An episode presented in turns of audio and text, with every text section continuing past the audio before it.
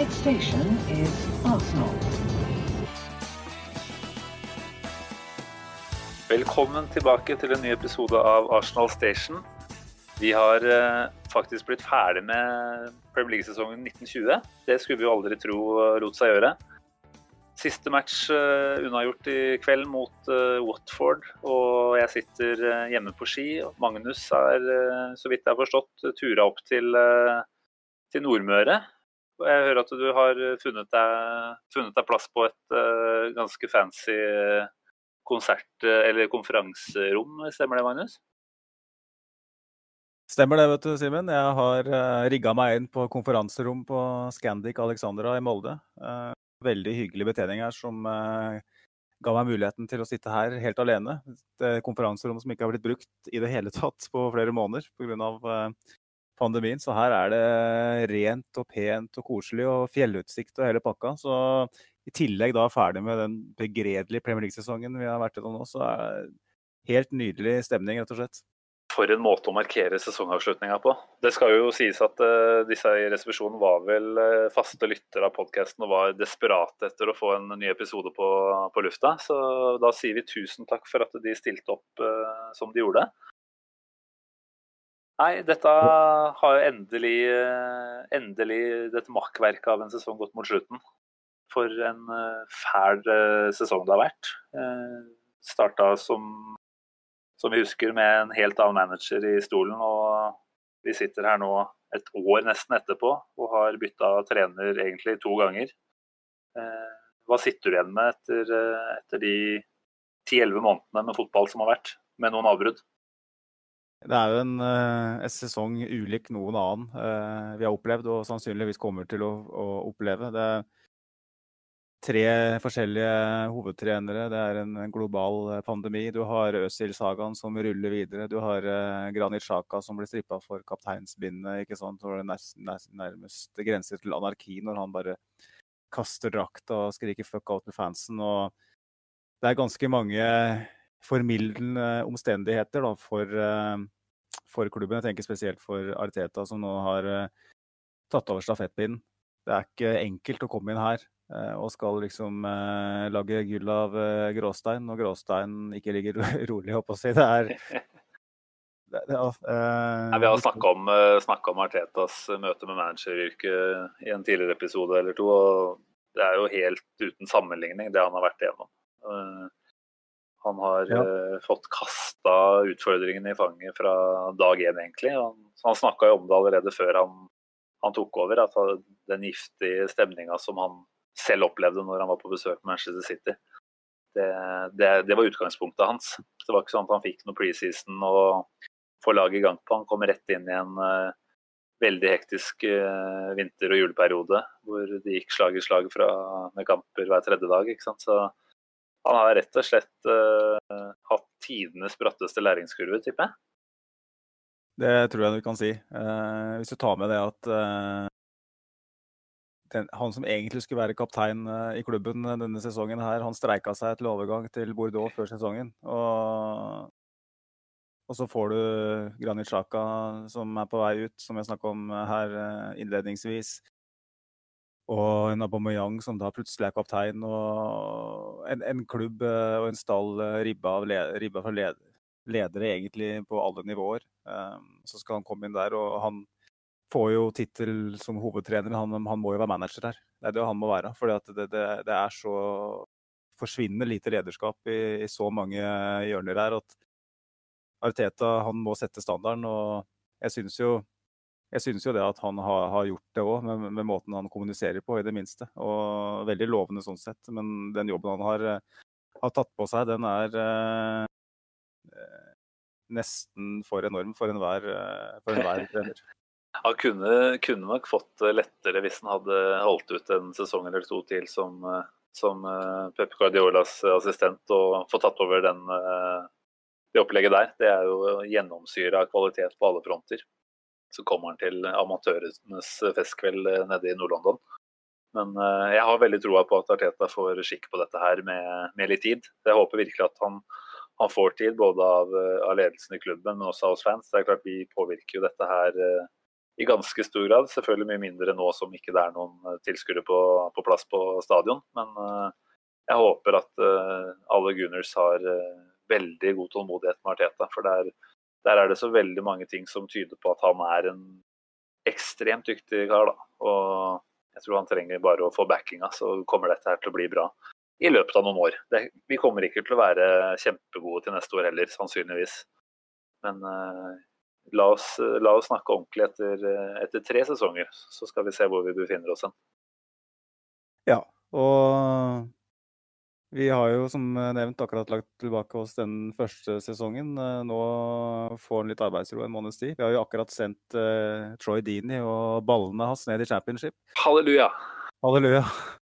Uh, og satt et, uh, et, verdig punktum sånn sett. Uh, jeg vet ikke om vi skal snakke noe om den kampen, jeg, Simen, men Jeg syns vel vi kan la selve kampen få passere i revy. Det var ikke noe høydere. Aubameyang lukta på toppskårertittelen. Det var liksom det eneste spenningsmomentet jeg tok med meg derfra. Selvfølgelig ble det litt spennende når vi ser ut til å rote det helt til på slutten der, men, men med tanke på at Watford tross alt måtte ha både ett og to mål til, så var det ikke noe fare for at de skulle unngå å rykke ned. i hvert fall. Så det, det er positivt. Det tar jeg med meg. Fint å, fint å få de ned, i hvert fall. Mye mer interessert i å ha Aston Villa oppe en sesong til. Bare litt synd uh, at Jack Reelish blir litt dyrere nå, hvis vi drømmer om han. Men uh, helt enig. Villa er en uh, Gjør du ikke det? Jeg gjør egentlig ikke det. Nei, Jeg kunne godt tenkt meg han, jeg ja, også. Men det tar vi i en fremtidig overgangsspalte. Ja, det kan vi gjøre. Nei, vi, Grunnen til at vi er her samlet uh, i dag, det er jo fordi vi har uh, planer om å kjøre en liten oppsummering, rett og slett. Altså gå gjennom uh, hver enkelt spiller, sette karakter. Hvem har vært topp, hvem har vært flopp gjennom sesongen. kåre årets lag, årets spiller. jeg vet ikke om du har noen andre kåringer du har lyst til å foreta her? Jeg har jo satt årets unge spiller. Årets skuffelse. Og årets mål, i hvert fall. Nei, men det, det høres ut som en fin bukett. Det er jo greit å se altså, Et sånt aspekt som årets mål er jo litt morsomt å se tilbake på. For det, i løpet av en sesong så er det som regel alltid en to-tre drusere, i det minste. Ja, og årets mål kan jo være et kjempemål, eller det kan også være et, uh, altså et mål som har gitt de ekstra gode følelsene. Det, det, er jo opp til hver enkelt hvordan man vil vurdere det. Mm. Ja, nei, men Det høres jo ut som en kjempeplan. Jeg lurer ja. på om vi må bare kjøre i gang med karaktersettingen. Vi har vel tenkt at uh, det som seg hør og bør er uh, naturlig å sette et terningkast, eventuelt terningkast med en halv, for å prøve å skille disse spillerne våre. Og da ja. tenkte vi vel sånn at vi starter bakerst på banen, jobber oss framover. Og så, og så får vi så se se hvordan landet ligger til slutt, og hvordan eh, årets lag eventuelt eh, det gir seg kanskje selv når vi har satt karakterer. Men det blir jo litt spennende å se hvordan det i så fall skal komponeres.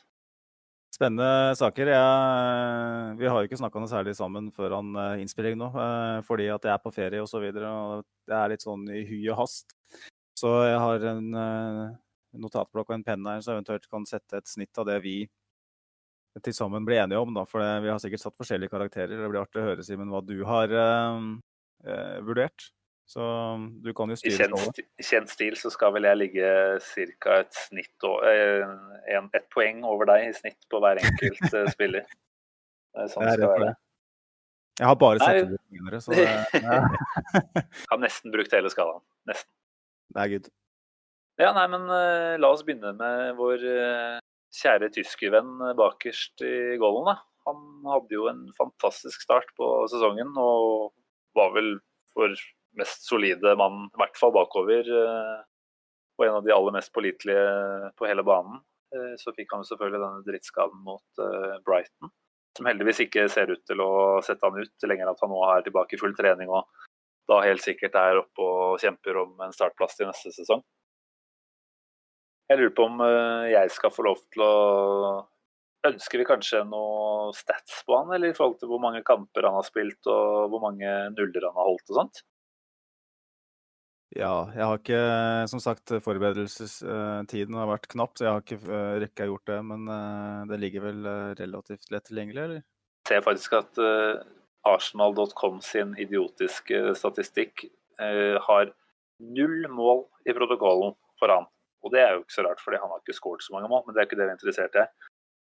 Så da er jeg faktisk litt usikker på akkurat tallene der. Men han hadde vel i hvert fall blant topp tre høyeste redningsprosenter i Premier League. Han ble jo satt på ekstrem stor arbeidsmengde og tok veldig mye av det som kom.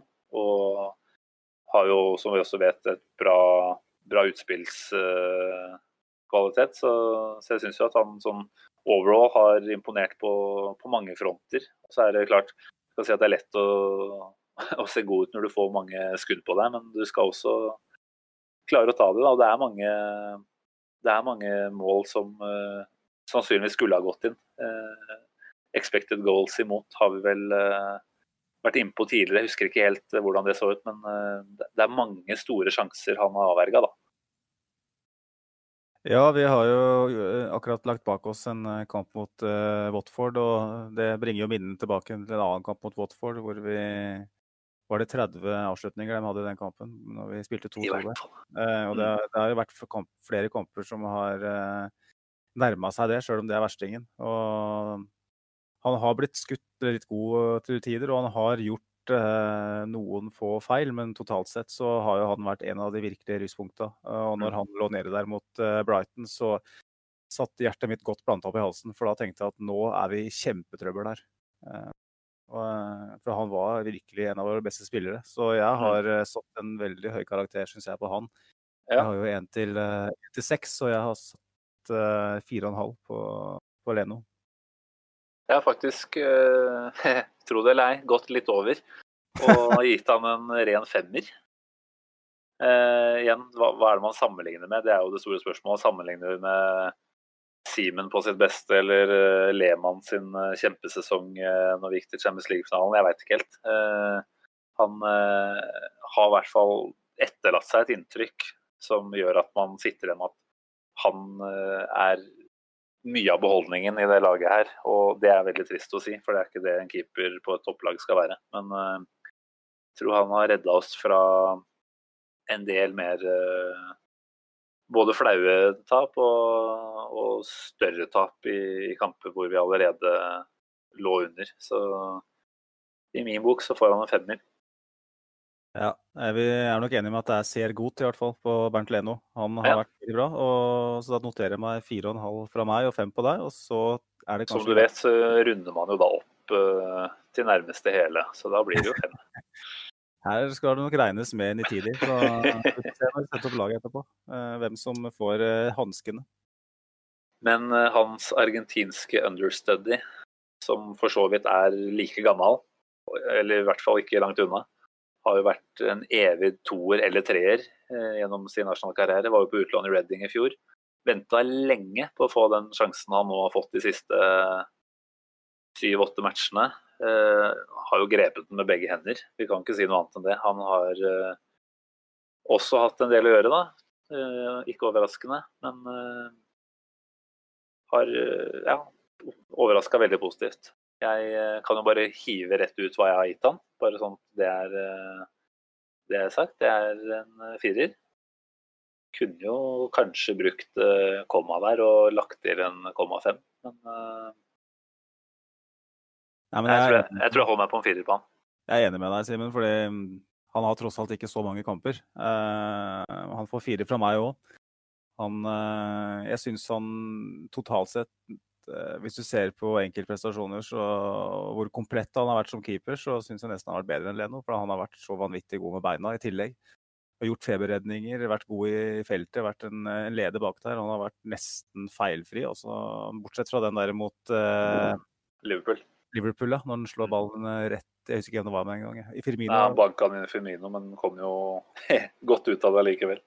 Ja, så hadde han vel en mot Tottenham òg, veldig tidlig i kampen. Hvor han spiller en litt løs ball ut til en eh, stopper. Jeg husker heller ikke hvem.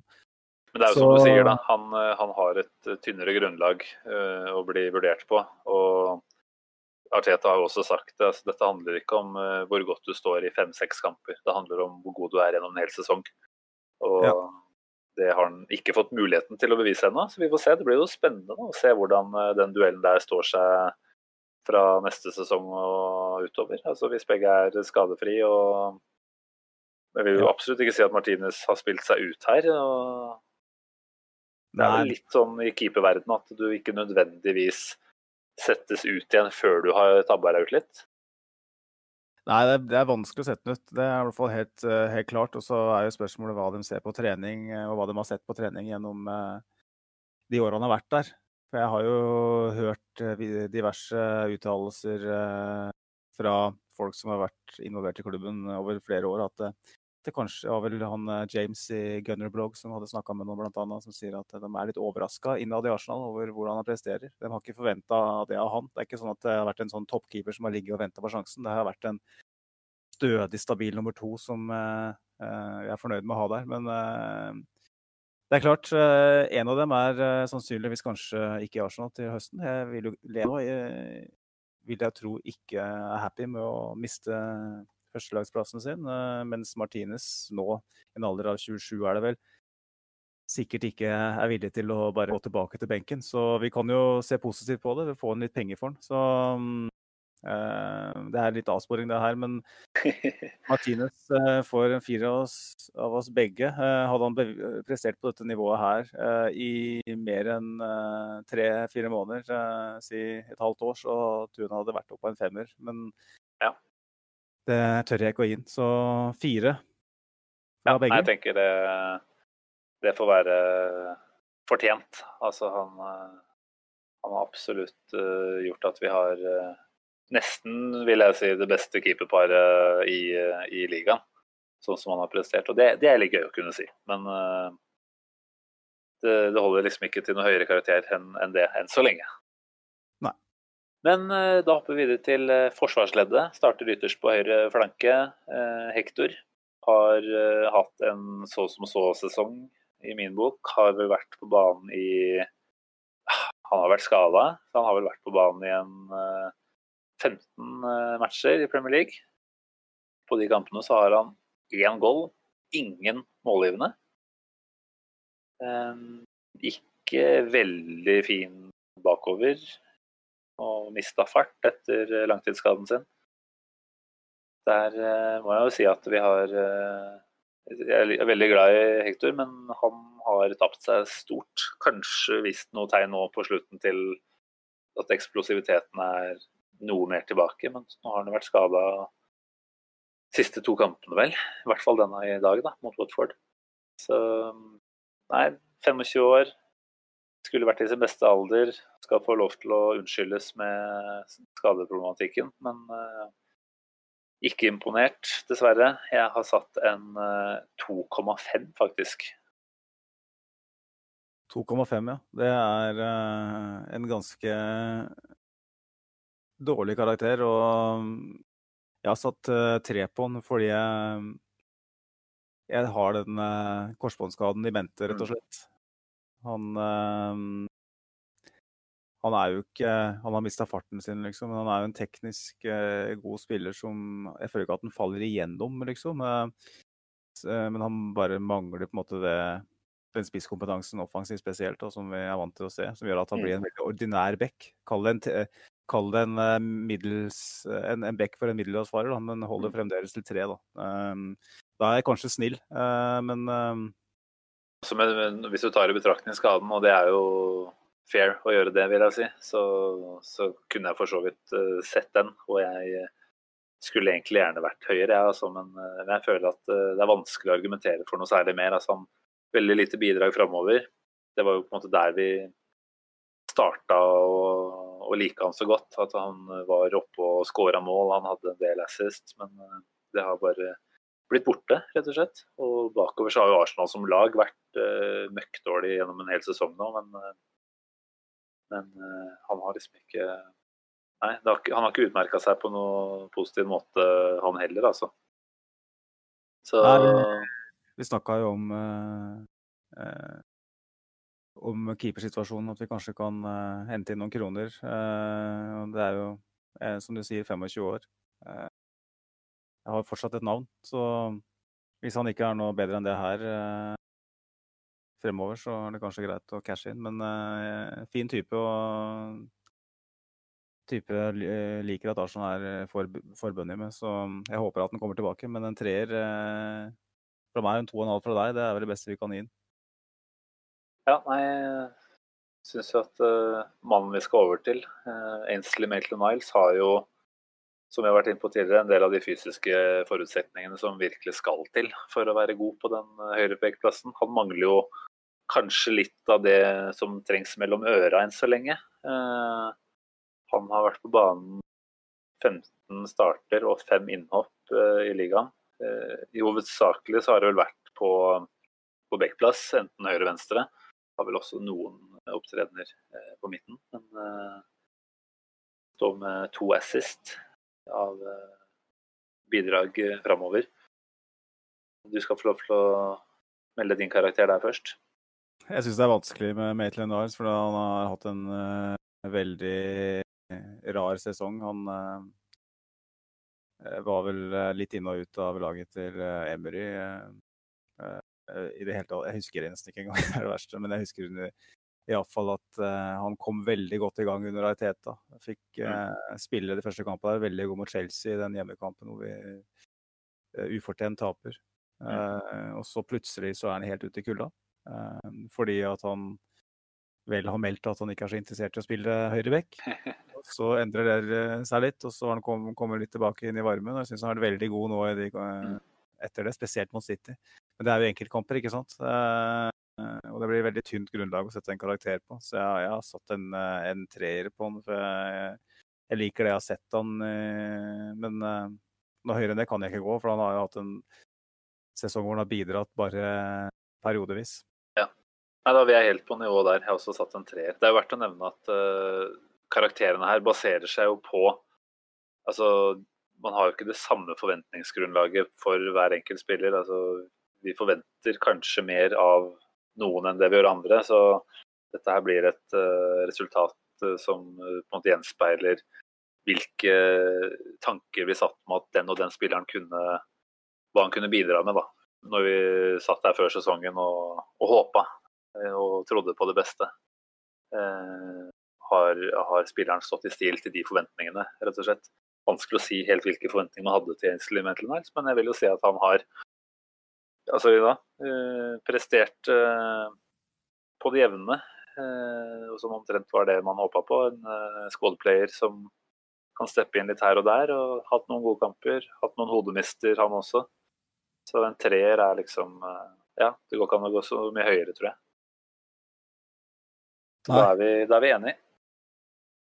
Skal vi bare bevege oss kjapt forbi Cedric, som vi må vel si ikke har fått nok spilletid til å fortjene vår verken vrede eller hyllest. Så eh, det blir spennende å se hva slags eh, posisjon han får eh, i skåden til neste år. Om det blir, eh, om det blir eh, at det faktisk er tenkt at han skal eh, kjempe om en startplass på høyrebekken, eller om om han havner helt ute bak både Bellerin og, og Niles, hvis begge de blir.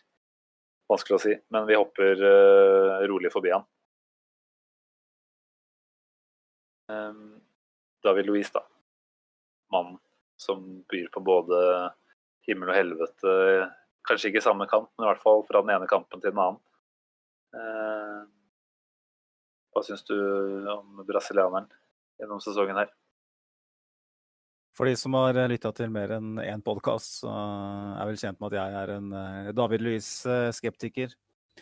Og han har for så vidt gjort det bedre enn jeg forventa, i hvert fall periodevis. Eh, han syns han var direkte svak under Emery. Eh, under realiteten så har han hatt mange bra kamper, syns jeg. Men Mange bra er vel å strekker den litt langt, kanskje, men han har vært bedre under Arteta enn Emery. Det er jeg enig i.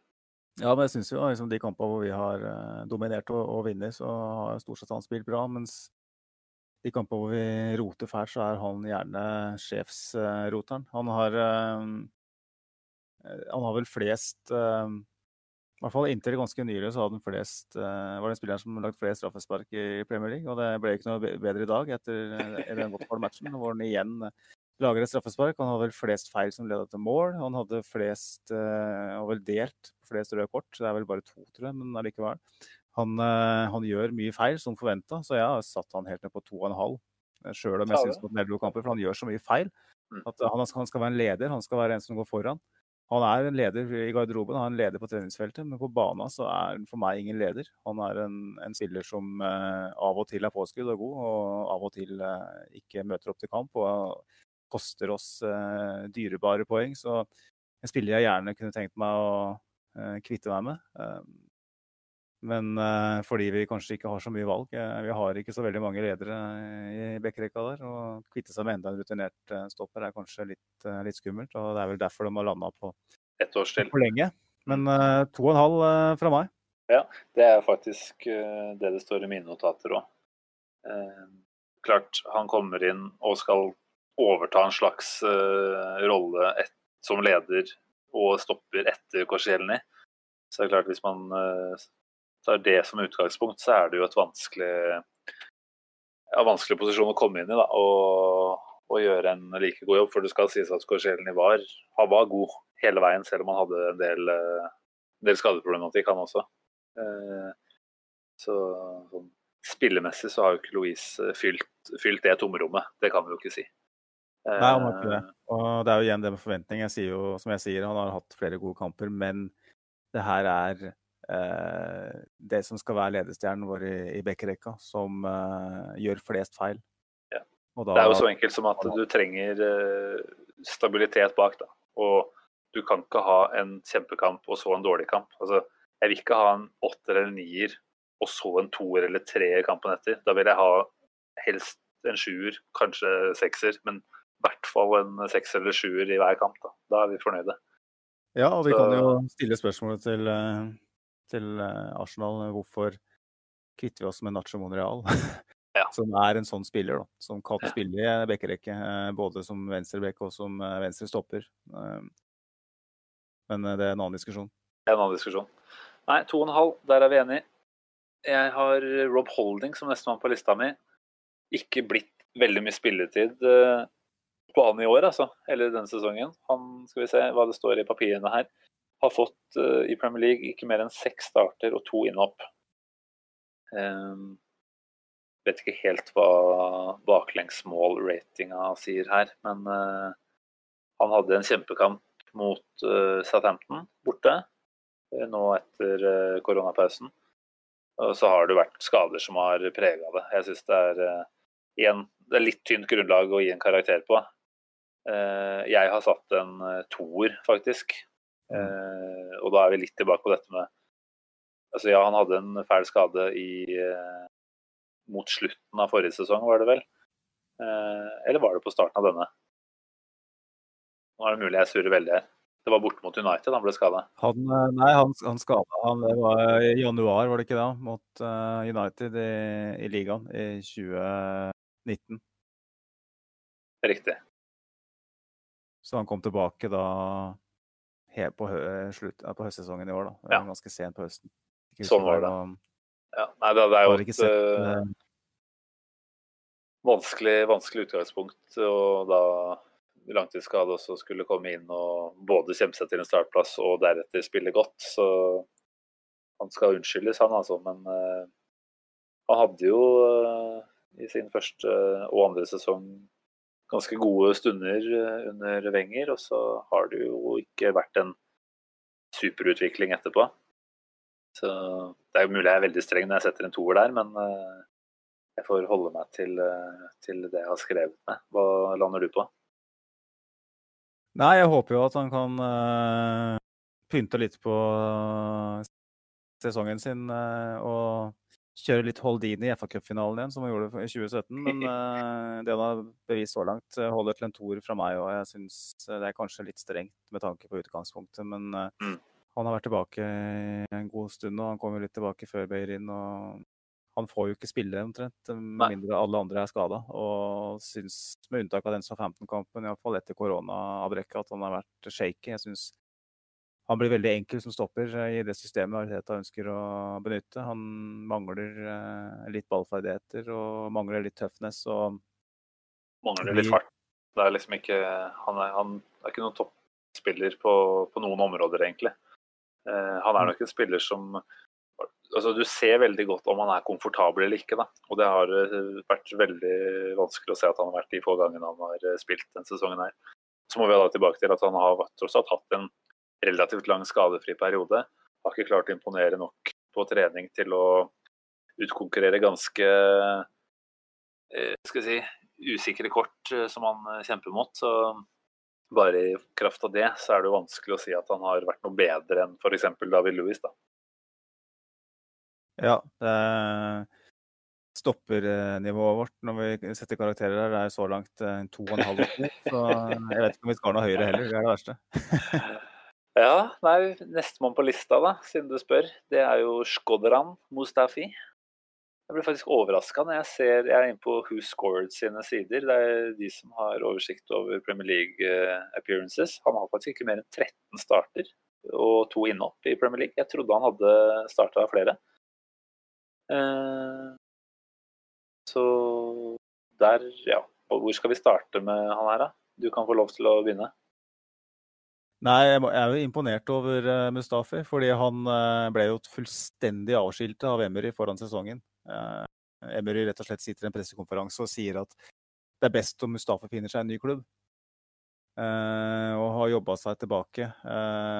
Og, selvfølgelig under en ny manager, men spilt sin beste fotball for Arsenal kanskje noensinne, med unntak kanskje av de første tre-fire månedene hvor han var god. så syns jeg han har vært mye bedre enn det vi er vant til å se. men så ser du Selvfølgelig, den, spesielt i den Tottenham-kampen, syns jeg, hvor vi taper på White Hart, eh, ja. nye White Hart Lane. Eh, at når det blir litt eh, press og litt stressa, stressa situasjoner, så, så, faller han igjennom totalt. Og jeg tror på ingen måte at Mustafi er eh, svaret på våre forsvarsproblemer, men han har vært eh, vår beste stopper uh, i alle fall etter koronabrekket, og kanskje den sesongen der. så jeg setter den helt oppe på tre, og det, det er høyere enn det Mustafi har vært de siste tre åra, tror jeg. Da. jeg tror hvis jeg skulle ha vært med og satt noen karakterer for de mm. sesongene som har gått, så hadde han nok ikke fått helt opp på tre. Og ikke at det er noen sånn sensasjonskarakter, men vi snakker om en av Arsenals mest utskjelte spillere de siste 20 åra her. Ja, nei, eh, jeg beveger meg bitte litt ned, jeg. Jeg falt ned på 2,5 på Mustafi. Jeg klarer liksom ikke å det er såpass mye brainfarts eh, underveis her at eh, jeg syns det er vanskelig å si at han fortjener en høyere karakter enn det David Louis gjør. Ja, David Louis har noe styggere tall, men Mustafi gjennomgående er usikkert, og det har vært litt bedre nå, men det er alltid en ny feil rett rundt hjørnet. Og den hodemistkampen han hadde mot Tottenham, hvor det bare var helt natta utover i andre omgang der, og taklingsforsøk som jeg aldri har sett maken til. ikke sant? klarer ikke å si at den mannen der uh, gir meg noe som helst trygghet. Uh, så jeg, jeg, går litt ned og lander på 2,5. Så det er vel fortsatt under, under tretallet på alle stopperne våre. Nestemann, ja, hvis du ikke ville ha dette ord til? Nei, det er jo hyggelig å være uenig av og til, så um, Ikke veldig uenig heller? Jeg er ikke veldig uenig, men um, syns han fortjener litt heder, eh, Mustafi, etter det han har eh, prestert nå. Eh, med tanke på den selvtilliten han må ha hatt foran sesongen. Han skal få, få, et klaps på skulderen der. Og jeg er ganske sikker på at uh, han starter neste sesong fort, han. Altså, I hvert fall ikke langt unna en startplass når vi går i gang i 12.9. Og det, det, er jo forferdelig skummelt å tenke på, egentlig. Dessverre, ja. Han har jo ett år, et år igjen av kontrakta, så vi får se. Kommer det inn et bud for han, så kan det hende at den perioden her har eh, vært veldig gull for oss eh, mm. økonomisk. Det er lov å mm. håpe. Ja. Nestemann på lista mi, det er jo rett og slett han som har, uh, tro det eller ei, flest uh, Altså, skal vi se, David Louis, hvor mange kamper var det han hadde han hadde jo Det er jo David Louis som har den store kontinuiteten, da. Bare for å ikke glemme det, at han har starta 32 Premier League-kampene denne sesongen her. Eh, så bare det i seg selv skulle han kanskje fått et lite, et lite knepp opp på, faktisk. Men nå har vi landa på han. Nestemann på lista som sagt er Sokratis. Han øh, var jo rett og slett øh, den som starta sesongen sammen med Louise. Har 19 eh, Premier League-starter, ingen. Eh, har jo blitt totalt borte under Arteta, så det er kanskje litt vanskelig å huske på huske hva han gjorde. Eh, han spilte vel eh, Det var det siste minnet jeg har av han, er jo når han eh, dunka inn 2-0 mot United i Arteta sin første seier. Men etter det så klarer jeg liksom ikke helt å huske at han har vært så, så særlig involvert. Nei, han har vel så vidt vært inne etter koronabrekket, men um, det er om en, spil, han spilte noen kamper på høyre bekk ja. for Udrariteta. Uh, Iallfall, det var jo kanskje også før koronaavbrekket, da. Uh, så i de, den grad Ariteta er villig til å bruke Sokratis, så er det som en sånn nød-backup på høyreback. Så det er helt tydelig at, at, det er en spiller som Ariteta ikke har noe planer om å benytte seg av. Så um, vi kan vel ikke kalle han noe, vi kan ikke kalle han noe ballspillende midtstopper. Så, og vi vet jo at det er noe Teta setter høyt hos, eh, hos, forsvarsspillerne sine. Så det er veldig vanskelig å se for seg at han har noe framtid. Eh. Jeg vil jo si karaktermessig, da. Han hadde jo eh, tross alt en, en sesongstart uh, som var uh, Hva skal man si, ja. Det var vel noen tabber og dårlige øyeblikk for hans del òg, men likevel litt sånn uh, deilig hard bauta bak der som uh, man kunne til tider oppleve at man hadde litt tillit til. da. Så jeg har faktisk satt en treer på Sokratis. Da har jeg liksom prøvd å huske tilbake hvor mange, hvor mange tulleøyeblikk som, som, har vært. Jeg klarer liksom ikke å si at det, det, er så mange som står ut for meg der, altså.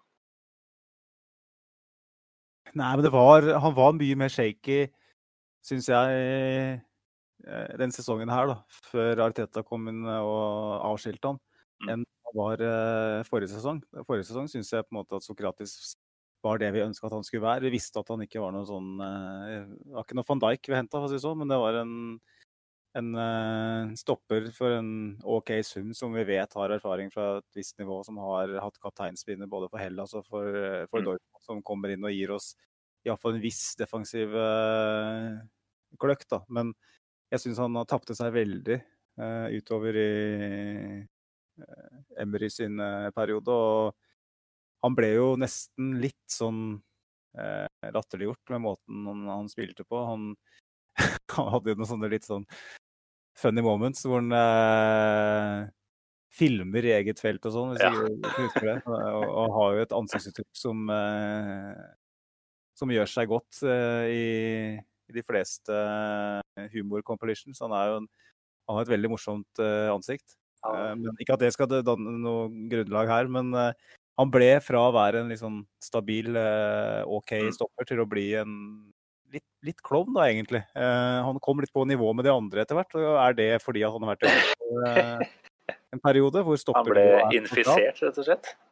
Så jeg har satt en toer på Sokratis. Jeg synes Han var langt unna det han var i fjor. Og jeg syns det faktum at han at Arteta bare nekter å bruke den, er, et tegn på at, at, han kanskje ikke presterer all verden på trening heller. Da, fordi han hadde holdt Jeg tror du, du, har rett når du sier at Arteta vet bare at han er ikke hans type spiller.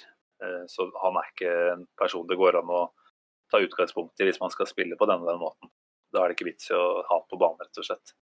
Så, så selvfølgelig, ut ifra Artetas eh, bok, så, så, er det sikkert en toer riktig. Og det er godt mulig jeg husker litt uh, Kanskje jeg husker litt av de mer positive minnene fra forrige sesong, faktisk. Men uh, nei, jeg får stå på mitt og si at treeren, treeren blir stående der. Han, han, altså bare for å avslutte det. Kolasinac har jeg blitt foretrukket på stoppeplass selv. Ja, jeg vet det er mm. venstre, men allikevel, liksom. Kolasinac er ingen god ballspiller. Han er kanskje den verste ballspilleren i, i stallen. Allikevel så får ikke Sokratis spille, og det syns jeg er veldig betegnelig. Ja, jeg hører hva du sier. Jeg skal ikke nødvendigvis uh, stå knallhardt på at, uh, at jeg har helt rett der. Callum Chambers er nestemann på lista her. Han uh, har vel selvfølgelig Når var det han ble skada? Det var rett før jul, var det ikke det?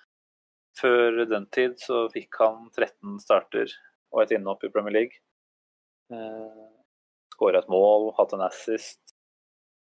Vi hadde jo, hadde jo, noen forhåpninger til han etter en brukbar sesong i Fulham sist.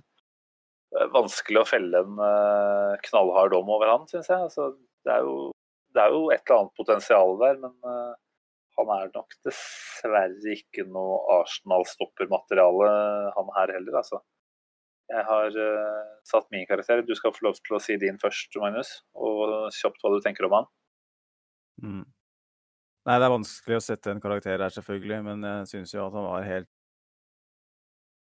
uh, OK eh, før, før, skaden. Og var hadde noen målgivende i Europaligaen nå, var det ikke? Tre i én kamp, eller hva det var? Ja, stemmer. Høyrebekk eh, var han vel da. Det kommer han aldri til å bli permanent, men jeg syns han eh, Jeg føler ikke at han har spilt seg noe dårligere eller, eller bedre. Det er, eh, det er, litt sånn what if med han, altså. Hvor han hadde dette sett ut uten, uten denne langtidsskaden. Det får vi aldri vite. Nå er det godt mulig at han ikke er Han kommer selvfølgelig til å være Arsenal-spiller neste sesong, for det er ingen andre som plukker opp et, en skada spiller. Men han Ja, nei, jeg, jeg syns det er veldig vanskelig å si. Jeg har landa på en treer selv. Jeg tenkte kanskje at jeg var litt snill der, men det var mye, mye ved han som var greit. Han hadde jo i denne comeback-seieren mot Aston Villa så bidro han, bidro han jo med mål. Var jo en type igjen da, som, som man liker litt. og som jeg gjerne skulle sett, sett, at kunne blitt en, et fast invitar i, i Arsenal-forsvaret. Men jeg sliter veldig med å se det. Altså. Og med den skaden her nå, så er nok muligens løpet kjørt, rett og slett. Ja, det blir spennende å se om Arteta gir den en reell mulighet, eller om han allerede kanskje har bestemt seg. Han er jo en OK ballspiller, for så vidt. Han er en grunn til at han har spilt en del matcher dypt på midten for Fulham. Så mm, det blir spennende, men vi er snille og gir en, uh, en treer. Da havner han vel fort på årets lag med den karakteren der. det, det, kan hende. Hvordan vi gjør det når vi kommer så langt. Ja. Jeg kan jo nevne at Pablo Marie også går innenfor uh, den sjangeren med Cedric, hvor vi ikke tenker at vi har nok grunnlag for å sette noen karakter. Han spilte vel to Premier League-matcher hjemme mot Westham og ble jo skada borte mot uh, City. Så det var synd. Der også er det jo spennende å se hva vi har. Eh, men det får vi smøre oss med litt tålmodighet før vi finner ut av. Så la oss eh, gli over på venstrebekkene våre. Eh, vi kan jo starte med den bosniske Sead. Jeg har satt en, for å bare si det veldig fort, en toer. Han gir meg veldig lite på stoppeplass. Han har selvfølgelig en tendens til å kunne dunke litt opp langs vingbekken, men nei, det er, det er så begrensa det, det, han byr på. Så en toer fra meg. Hva sier du? Er det slik at han kunne forsvart seg på den måten som han forsvarte Øzil og hans familie i fjor sommer? altså all heder og ære, virker som en veldig fin fyr. Men er det én spiller som ikke passer inn i Arsenal så må det jo være Siad Kolasinac. Det er bare det er helt mismatch. Han har fått spilt en del matcher på venstre stopperplass nå, og har jo selvfølgelig noen kamper på venstre bekk. Men det er, han har vel en pasningsprosent som ligger sånn rundt uh, stort sett mellom 55 eller? Ja, ikke så lavt, da. Men, ja, du skulle kanskje tro det, men sånn i overkant av 70, maks 80, stort sett. Uh, en spiller som er svært ukomfortabel hver gang du skal prøve å spille pasninger eh, fremover, samtidig som han er en veldig direkte spiller. Han passer eh, inn i et lag som har veldig lite ball. Uh, ute på en backplass hvor han bare kan bombe fremover og slå harde innlegg til en stor og sterk spiss. Et sånt lag er ikke Arsenal, og et sånt lag håper jeg Arsenal ikke blir. Eh, han har eh, i tillegg hatt en ganske svak sesong, syns jeg. Og en toer får han fra meg og, håper at vi får noe cash fra han i sommer. For det, er rett og slett ikke en spiller vi bør beholde. Han, er, han, passer ikke inn. I tillegg så sitter han jo på en ganske så høy lønn nå. Han er vel på 1,1-1,2 millioner i uka. Så selv, for all del, hvis vi får muligheten til det. Mm. En som det derimot er litt hyggeligere å snakke om på venstrebekken, er jo Kieran Tierney. Han har vi jo vært inne og hylla ganske solid her eh, tidligere i podcaster. Eh, selvfølgelig fått en uh, sesong prega av denne skulderskaden mot uh, Westham. Og så var han vel også litt seint tilbake i sesongstarten etter en, etter en operasjon på sommerstid. Så en, en brokete første sesong i ny klubb, men han viser jo pro på veldig mye positivt. da. Jeg gleder meg veldig til Mankibore. Han har en eh, skadefri sesong eh, nå neste gang. Han har spilt eh, tolv pluss tre kamper i Premier League denne sesongen her. Står med ett mål og en assist. Skårte jo nå eh, mot Watford i dag. Jeg skal la deg komme med karakter først. Deilig fyr som eh, i likhet med Arshavin ikke gjør noe med håret sitt før kamp ulikt Arshavin så flyr, flyr, det ikke inn en frisør fra Moskva en gang i uka. Men uh, en, en, en, type som vi har savna. En skikkelig erkebritisk uh, back, men med offensive kvaliteter, som var veldig bra da han kom inn i laget. I rundt oktober, var det vel. han var jo skada når han kom òg. og igjen Fikk spesielt den skulderskaden som holdt han ute i, i, lang, lang tid. Syns han har vært veldig veldig bra etter han kom tilbake uh, fra skade nå. Syns han har vært uh, en av våre to-tre beste spillere nå de siste par månedene. Ja.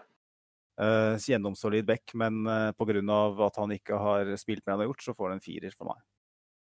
Da er vi jo jaggu meg på nivå en gang til. Det er nesten for kjedelig, dette her. Jeg vurderte om jeg skulle ligge litt høyere, jeg må si det, men det er såpass uh, få kamper han har deltatt i. og jeg håper jo at han uh, på sikt også har uh, enda litt heftigere stats framover.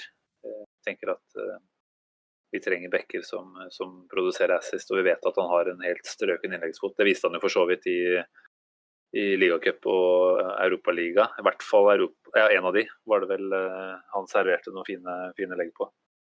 Så det er veldig optimistisk med tanke på det som kommer der, altså. Så en firer er noe å bygge videre på neste sesong. Mm. Ja. Da tror jeg vi er ferdig med alle gutta i forsvarsleddet. Eh, vi hopper videre til eh, den mest omdiskuterte av alle på Nei, kanskje ikke. I hvert fall en av de to mest omdiskuterte på midtbanen. Eh, Granit Xhaka. Hadde jo en skikkelig fallout mot slutten av Emery sin Arsenal-karriere. Trodde ikke at det var noen vei tilbake har eh, for så vidt kanskje ikke unnskyldt seg ordentlig, men har i hvert fall eh, kommet tilbake på laget og har en veldig viktig rolle å spille på, på Artetas, i Artetas fotballfilosofi. Så jeg må si at jeg i utgangspunktet har veldig sansen for den, og så ble det veldig mye følelser som tok overhånd, tror jeg, i den, i den kampen som vi har snakka om. Eh, men allikevel at han har klart å være proff i etterkant og prestere jevnt, vil jeg si at han gjør. Og blant våre mer solide i nesten alle kamper. Det, det står det respekt av. Altså. Jeg må si at jeg har, jeg har, veldig mye respekt for den fyren der. Og jeg har landa på en øh, kanskje noe høy karakter. Jeg har satt en firer på han. Hva sier du? Jeg syns ikke den er høy. Jeg har landa på samme. Jeg syns han fortjener en firer. Uh, han var nok uh, et stort problem i starten av sesongen i et eh, lag som mangla totalt struktur, mangla totalt eh, direksjon. Altså, det er en del formidlende om, omstendigheter for alle her, egentlig. Det som ble servert av Emery eh, de siste par månedene, var, det, var, det var så dårlig svakt at så bare det måten han mm. satte, satte Sjaka i en vanskelig posisjon i, med den der kapteinsgruppeordningen altså det var et lederskap fra Emery der som selvfølgelig innbød til store utfordringer senere. Så ja, ja Chaka dreit seg ut, han, men, eh, men, det var ikke uten hjelp, for å si det sånn. Nei, også det var jo for de som ikke husker det, jeg vil tro at de fleste som hører på, husker det, altså, men uh, han venta jo til uh, var det september da, før han uh, utnevnte kaptein foran, før sesongen. Han, han, han, han kvia seg Emery til å utnevne Sjaka som kaptein. Og mm. når ting går til helvete, så, så, så bytter han ut Sjaka i den, i den kampen. Og nærme må nesten ha visst det, at det her kom, nå kommer det. og jeg syns jo Kall meg kontroversiell, men jeg syns jo at reaksjonen til Sjaka den var barnslig, ja. Det var feil, ja. Men kanskje var det den klubben jeg trengte. At det her, det, det, det funker jo ikke det som foregår her, liksom. Eh, hvordan er det vi komponerer eh, laget her under Emery? Hva, hva, hvem, hvem, er det som er leder her? Eh, skal Sjaka på en måte stå til rette for Emrys eh, manglende evner som eh, man manager eller mm. som taktiker og hele pakka? jeg syns det står veldig stor respekt, som du sier, av det Arteta, nei, det Arteta har fått ut av han, og det Sjaka selv har klart å prestere etter, etter, den krisa. Mm. Er, jeg syns han har vært den mest stabile spilleren etter koronabreket. Han, han, er kanskje den viktigste spilleren vår nå. Jeg ja, nei, jeg, har, jeg, har, stilt det spørsmålet før, jeg, og det er et eller annet med å se hvordan det laget vårt fungerer med og uten han. Det er, det er ganske forskjellig. Så... Stå opp fra dødstrusler og latterliggjøring og håning mm. på den måten. Stå opp for seg sjøl på den måten. Eh, komme tilbake eh, og bli en bauta på den mm. måten som han har vært. Eh, han får bare fire fra meg òg, men det, hadde det vært snakk om de siste tre månedene av sesongen, så hadde han fått en klink femmer i hvert fall. Ja. Vi kan bare ta med for han nevnte at han har én goal og to assister i Premier League. Ti gule kort har han også fått. Det er jo kanskje det minst overraskende. Men uh, det er klart han hadde jo en tendens til å banke inn noen uh, deilige langskudd. Og det hadde vært fint om han dro fram børsa og servert noen av de litt grann oftere igjen, da. Det må jeg si. Men han er en stabilisator på midten. og han har danna etter hvert en ganske fin midtbaneduo med nestemann som vi skal over til.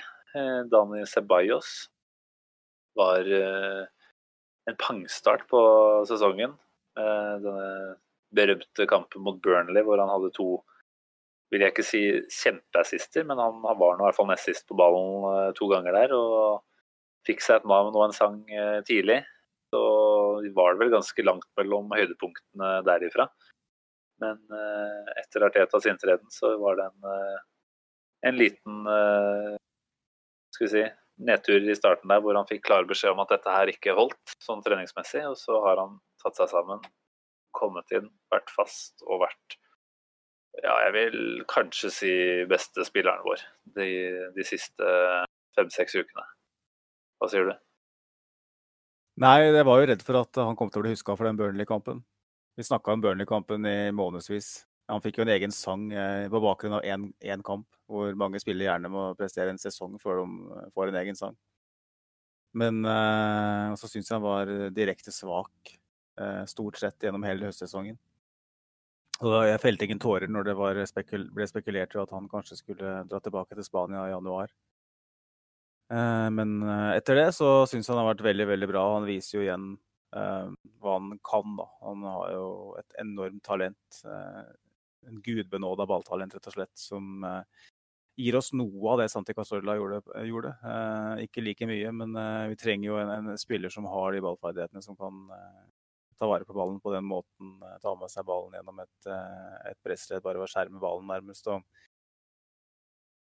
ja, veldig Nei, du skal, ikke, du skal, ikke, undervurdere den effekten en tidligere åtter midtbanespiller på Arsenal har hatt for Ceballos. Det er klart når landsmannen din er eh, Arsenals nye trener, og han har bekledd kanskje ikke akkurat den samme rollen, men eh, samme draktnummer. og Det er jo lett å tenke at eh, Arteta har finpussa Ceballos til å, til å funke mange hakk bedre enn det Emery noen gang klarte å få han til.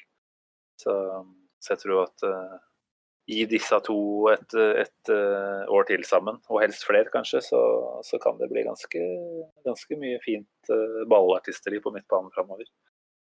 Karakter? Tre og en halv. Tre og en halv. Ja, jeg satt en firer der òg, faktisk. Mm. Han mangler selvfølgelig stabiliteten, men uh, jeg, jeg lar meg farge av det som har skjedd i nærest fortid. Så jeg tror jeg faktisk uh, sier at uh, den fireren er helt fortjent. Ja, det er lenge siden sesongstart, så det er lett å la seg av senere tid. Korttidsminnet er deilig. Eh, vi har jo noen andre kamerater her. Nesten fristende å bare dytte de inn i en og samme, men vi skal ikke gjøre det. Torreira først, da. Veldig, veldig kort om han. Uh, har hatt en eh, veldig perifer rolle å spille. Hva er det du sitter igjen med som hovedinntrykk eh, av den sesongen hans? Det er igjen en spiller som uh, ikke passer helt inn i den retningen klubben ønsker å gå. Uh, jeg tror en veldig OK spiller hvis du spiller på en viss måte, men han blir begrensa, rett og slett. Og um, han, han er nok en spiller vi, vi selger hvis vi får et ålreit bud, og det er litt synd med tanke på hvor høy stjerne han hadde sesongen i forkant. Men får en to og en halv av meg, for jeg syns ikke han har vært spesielt god, rett og slett heller. Og, det kan igjen være en systemgreie, men eh... Han var god mot Liverpool, da. Der har han vært god. I flere ja, kamper. Men uh, det holder ikke. Så jeg har, jeg har satt en ren toer, faktisk. Uh, mulig da at jeg lar meg farge litt av eh, fjorårssesongen, hvor han var Han var jo et funn i starten, og så dabba det jo litt av utover. Men hadde jo kanskje større forhåpninger til han enn det jeg burde. Men jeg, jeg har i hvert fall vært skuffa. Og nå ser det jo ut til at eh, tida går mot slutten. Uh, han ser vel også selv at ikke det er han som blir satsa på framover her. Så 2,5, da, da snitter han lavt. Og apropos toere, må, da må vi over på Matheo Gundosi. Der har jeg satt en toer også. Han uh, har, uh, som du sa i en tidligere podkast, vært en fin kaospilot i, i, noen kamper hvor det trengs. Uh, men, men, utover det så tilfører han det laget her ganske lite. har bidratt med én assist, som for så vidt var en viktig en mot Tottenham. Det var en, akkurat i den perioden der hvor man gikk og snakka ganske stort om han.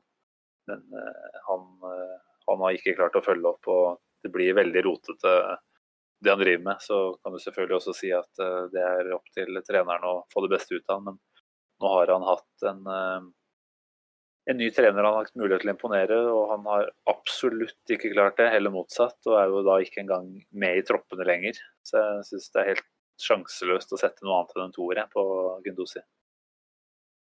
Han får en eh, klokkeklar toer av meg òg. Eh, han passer eh, igjen ikke inn, syns jeg. Han eh, trives best i kaos og brokete forhold, og har hva skal jeg si, vist at han ikke er villig til å endre karakter. Han har blitt utfordra av Teta, har valgt å ikke gjøre endringer. Han har bare åpenbart fortsatt å stå på sitt. og Derfor så har han vel knapt nok trent med laget på flere måneder. Mm.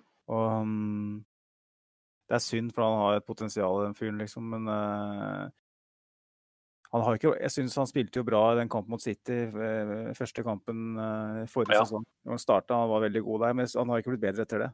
Og det er jo mm. snakk om nå snart to, to år uten at han har blitt noe bedre. Så da, hvis vi da får en masse penger for den, som det ryktes, da, så må det sies å være god business. Så, Kjør på. Så får vi bare se om, eh, om Gendosi kan få et potensial til et annet, et annet sted. Men kjør Arteta, ass. Ja. Få to.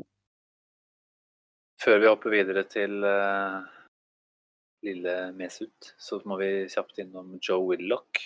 Han uh, har jo kanskje ikke hatt noe gjennombruddssesong, men har jo faktisk vært på banen så mange som 29 ganger i Premier League. Men av de så er det jo hele 21 da, som er innhopp, faktisk. Jeg har jo ikke produsert all verden heller. En assist og en goal på de kampene. Eh, småslepen og absolutt eh, talent. Jeg sliter litt med å se at han, han, er et supertalent som kommer til å gå inn og, og, finne en startplass eller noe i nærheten av det egentlig i Arsenal de neste to-tre årene. Men uh, en uh, OK squad-player, uh, vil jeg si. Hva tenker du om han? Det er jo interessant å lese eh, blogger og spalter om, om, om Willoch, fordi det er veldig mange delte meninger. Noen mener jo at han har noe veldig spesielt ved seg. Andre er enig med deg og meg om at det er en spiller som uh, er OK squad-player, liksom, men ikke så mye mer enn det. Han, han, han, han tenner ikke noe gnist i meg, altså. Uh, så håper jeg selvfølgelig at, at andre får rett, sånn sett, men nei, han syns han hadde en helt grei sesong. Han har mm. kommet inn og under Ariteta spesielt syns jeg kom inn en del matchbilder hvor han har uh, hatt en effekt uh, med den motoren han har. Han løper jo mm. veldig mye, dekker store rom. Han er en spiller som gjerne kommer i veldig mange gode posisjoner. Han har den nacken til å liksom komme i mål i, som midtbanespiller og komme i en posisjon uh, hvor han kan avslutte. Det er det veldig få andre i stallen vår som har. Men han mangler liksom i et, et, lag som gjerne vil kontrollere ballbesittelsen og styre kamper, så jeg føler at han er altfor uvøren. Så han får, han får en tre av meg, og vi snakker om det i forkant. Eh, det med at hva, forvent, hva, slags forventninger har vi? Mm. Jeg hadde ikke noen forventninger i det hele tatt til Willoch, egentlig, og han har gjort det helt OK, så tre. Ja, jeg har også satt en treer. Jeg syns bare det er verdt å nevne dette du sier om at han kommer i mye gode posisjoner. altså han har jo en del sånne si, indreløperløp som gjør at han havner inn i boks og er i enden av en del innlegg eh, som eh, vi også skal huske at Ramsey var en periode, uten at han klarte å omsette det i noe større måltall. Men det var jo noe som fikk kjempefokus hos Ramsey, og som han da, som vi vet, ble ganske flink på. Utelukker ingenting, da. Kanskje, kanskje Willoch bare må jobbe knallhardt med noen sånne type ting. Evner å bli en, eh, en målskårer, eh, faktisk. Eh, det hadde jo ikke vært så dumt, det, da. Det er jo noen, noen fellestrekk kanskje man kan i hvert fall si at han har i forhold til det vi husker fra Ramsey. Så det er mm. vanskelig å si om han får mulighetene, selvfølgelig, da, til å til å imponere nok. Men uh, han får legge ned litt egeninnsats, og så er vi kanskje der at han uh, dunker inn et par uh, matchavgjørende skåringer i løpet av de, de første ligarundene neste sesong. Så er han plutselig, plutselig inne i varmen.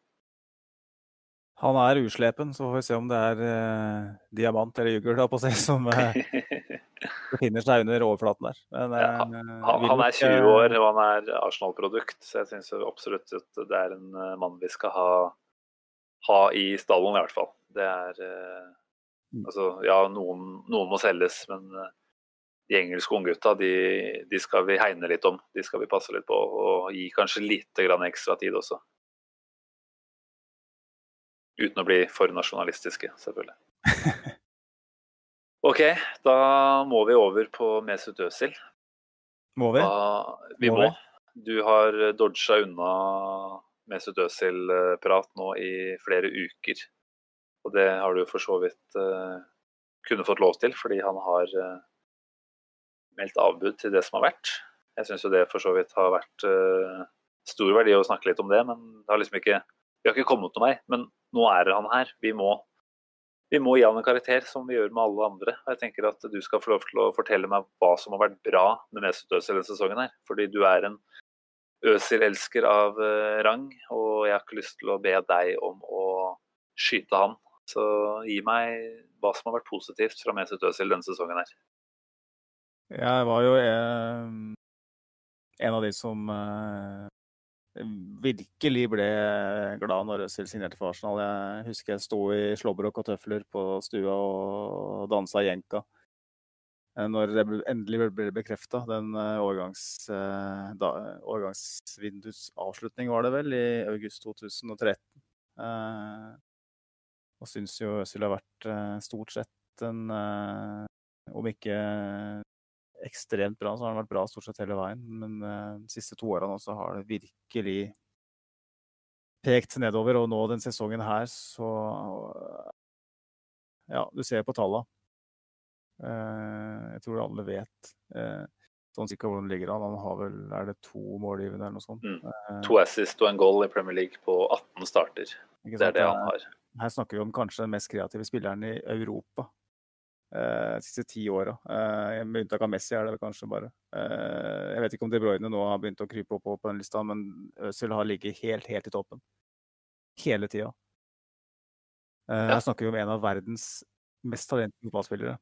Og han har på denne sesongen her vist egentlig null komma niks, med unntak av den perioden eh, fra Arteta kom inn i klubben til eh, pandemien tok over. Da syns jeg han var god. Da syns jeg han var veldig god òg. Eh, og fikk litt forhåpninger om at eh, Emery kanskje var problemet. At eh, nå har vi fått inn en manager som ser hva Øzil kan gjøre, og, og bruker Øzil rett. Og så kommer vi igjen i samme situasjon en, en, manager som nekter å bruke den. Uh, Emery ville heller ikke bruke den, men var svak og, og kasta den inn i laget. Jungberg uh, brukte den vel i to matcher, og så kastet, var han ute der òg. Det er et eller annet som skurrer her. Jeg vet ikke hva det er. Jeg aner ikke hva det er. Og det er viktig, det er viktig når jeg setter den karakteren her, at jeg ikke sager Øzil og sier at han er en dårlig person, for jeg vet ikke hva som er greia. Om han mm. sliter med noe som ikke vi vet om. For alt jeg vet, så kan det være det. Hvorfor er det ingen som liksom virkelig tar han? Uh, han sier 'footballing reasons', ja, men på et eller annet tidspunkt så må du jo si det òg. For å bare stoppe spekulasjoner. Uh, det har vært veldig mye rundt hans person uh, med det som skjedde i VM i, i 2018 òg, hvor nærmest ble mobba ut av landslaget. Det er vanskelig å vite. Så han får en toer av meg. jeg vil ikke gå lavere, for jeg, synes, for jeg vet ikke nok. Men Nei. Nei da. Og lavere, lavere også når det er snakk om en så, en så god fotballspiller. Det er ikke Mesut Özil sin feil at han trener 350 000 pund i uka. Det var et tilbud han fikk eh, når eh, Arsenal var svake og mista Alexis og trengte å vise noe styrke. Eh, så er det ikke til å stikke under en stol at du kan dele Øzil sin Arsenal-karriere inn i før og etter den kontrakten. For etter den kontrakten så har han vel fire målgivende, er det vel muligens han har produsert. da. Og igjen, det er ikke for å si at han da har skal vi si, lurt seg til den kontrakten for deretter å bare gi faen. Eh, det tror jeg ikke han gjør. Ikke med vilje, men hva som skjer underbevisst og ubevisst der, det er vanskelig å si. Og, og hvordan disse episodene med, med rasisme på landslaget og, og dette ransforsøket hvor Kolasinac var involvert eh, og var redningsmann. Hvordan dette påvirker han, aner vi ikke. Men eh, Nei, for meg, for meg da så blir det litt sånn Han fikk verdens beste mulighet nå til å vise alle at uh, han har lyst når Arteta kom inn. Og, og, han tok for så vidt den, men det varte ikke lenge. Det varte eh, noen uker før koronaen kom. og Hvorfor han ikke har klart å ta med seg eh, den innstillingen der videre og jobba hardt inn i en lang koronapause, aner jeg ikke. Men jeg er veldig skuffa over at han ikke gjør det. Og jeg lurer på hvor yrkesstoltheten hans er. Og jeg lurer på hvordan det er å se lagkamerata i øya og altså, Her er det folk som har uh, brøkdel av lønna hans. Og ja, vi skal ikke måle alt til det, men i min bok da, så, så må du i hvert fall vise at du ønsker. Som, så fremt det ikke er som du sier, Magnus, at det er noe helt annet. Uh, for vi ser jo på bilder på treningsfeltet sånn, vi ser jo at han er på latterkuler med, med medspillerne. Så det ikke sånn at han har blitt lagt for hat i gruppa på noen som helst måte. Men uh, Nei, altså Jeg forventa kanskje ikke kjempemye av Øtzil før den sesongen, men jeg forventa mer. Det gjorde jeg. Og, og jeg fikk opp håp igjen eh, når Arteta kom inn og så en reaksjon hos Øtzil. Og så er jeg utrolig skuffa nå når han ikke har fått være i troppen de siste ukene. Og han står da altså med en goal og to assist på, på en Premier League-sesong. Det holder ikke. Eh, så jeg, jeg går faktisk til 1,5 har jeg lagt meg på på Øtzil. Mm. Men ja, eh, det Nei, altså, det er, det er, veldig mye vi ikke vet. Men jeg vet at han ikke bidrar. Og jeg vet at han er en av de tre-fire store stjernene i det laget her. Og han bidrar ikke. Altså det, det, skal på en måte kunne forsvares og ikke ha full utdeling i målprotokoll og assist-protokoll, men legg nå for guds skyld ned den innsatsen som treneren forventer av deg, og som alle andre, ikke alle kanskje, men i de fleste andre eh, i klubben evner. Altså, hva er det som skjer på treningsfeltet der? Soser han rundt og uh, trikser med tyggis, eller uh, hva, er som, hva, er det som, er problemet?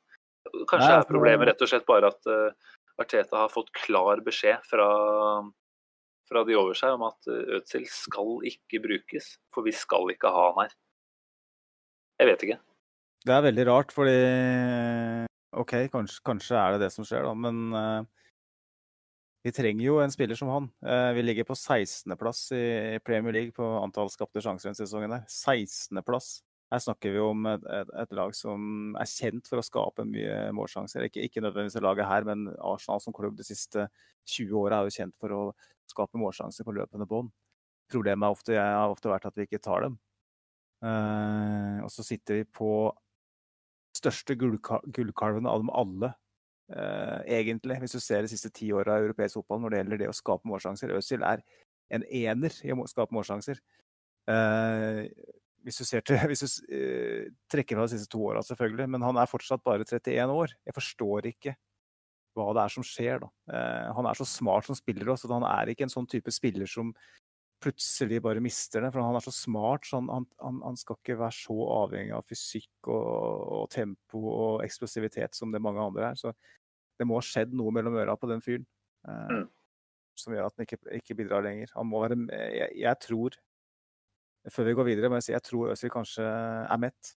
Jeg er redd for at det handler om. og Mister du en 2-3% på det nivået der, så faller du fullstendig gjennom. Ja. Nei da, det, det, kan nok stemme, det. Jeg må bare legge til én ting som jeg har også problemet når det kommer til ødsel, Det er at han har en splittende måte å framstå eh, på i sosiale medier. Vi så det flere ganger under Emery, og sånn som Emerys eh, karriere utarta seg, så kan jeg for så vidt eh, forstå behovet for å, for å stikke tilbake der det var mulig. Men nå var det vel i forkant av eh, var det Liverpool eller City-kampen at han la ut en eh, post hvor det sto 'I'm ready'. Og i min bok så insinuerer jo det tydelig at han vil uh, få fram hvor mye av dette her som ikke ligger på han. I hans bok er han klar. Uh, så dette er Artetas eller en annens vurdering. Og da får du den der gjengen som kjører free Øtzil og, og begynner å angripe Arteta da, for at ikke han, eh, han tar han med.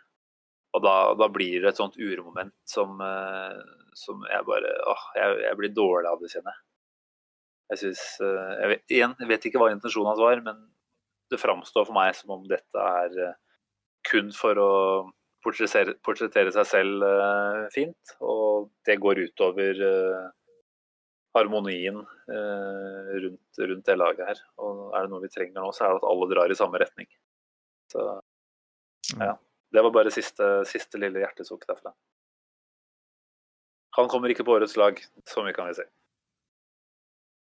Det kan vi si.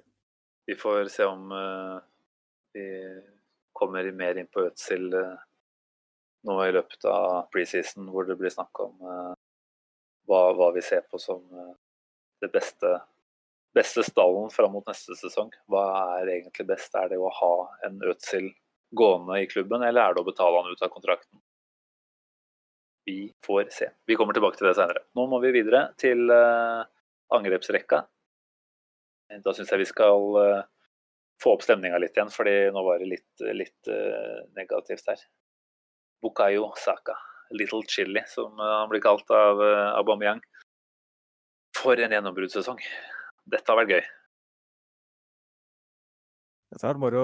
Altså. Han, eh, han, fyller oss alle med håp. Og den, eh, den kontrakta som han signerte nå for noen uker siden, det er vel kanskje sesongens høydepunkt nærmest. Fordi vi frykta veldig konsekvensene hvis, hvis han som er oppfostra i klubben, som er eh, selve diamanten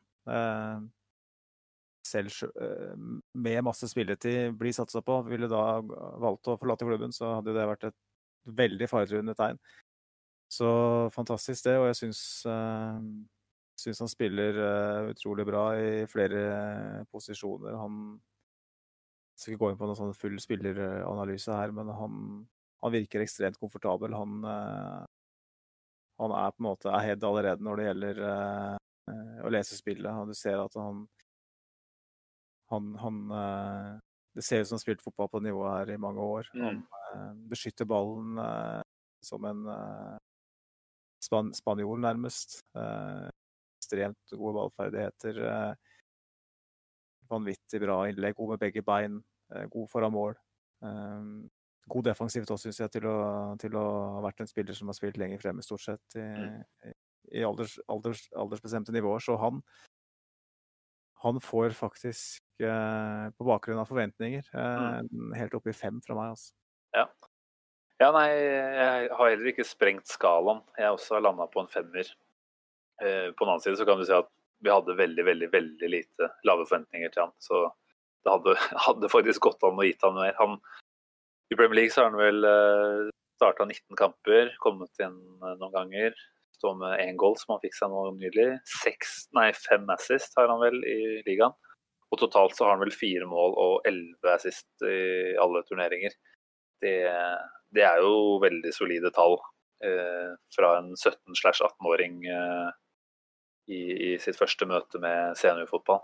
Omtrent, da. Han, han, fikk jo noen få innhopp i fjor også, men eh, Nei, for et gjennombrudd dette har vært. og kunne blitt skikkelig gæren her og dratt på med en nesten opp i en sekser, vet du, fordi man uh, det har kommet fra intet, nesten. Men uh, femmeren, da, siden vi er litt edruelige, det, det, er vi i hvert fall helt enige om.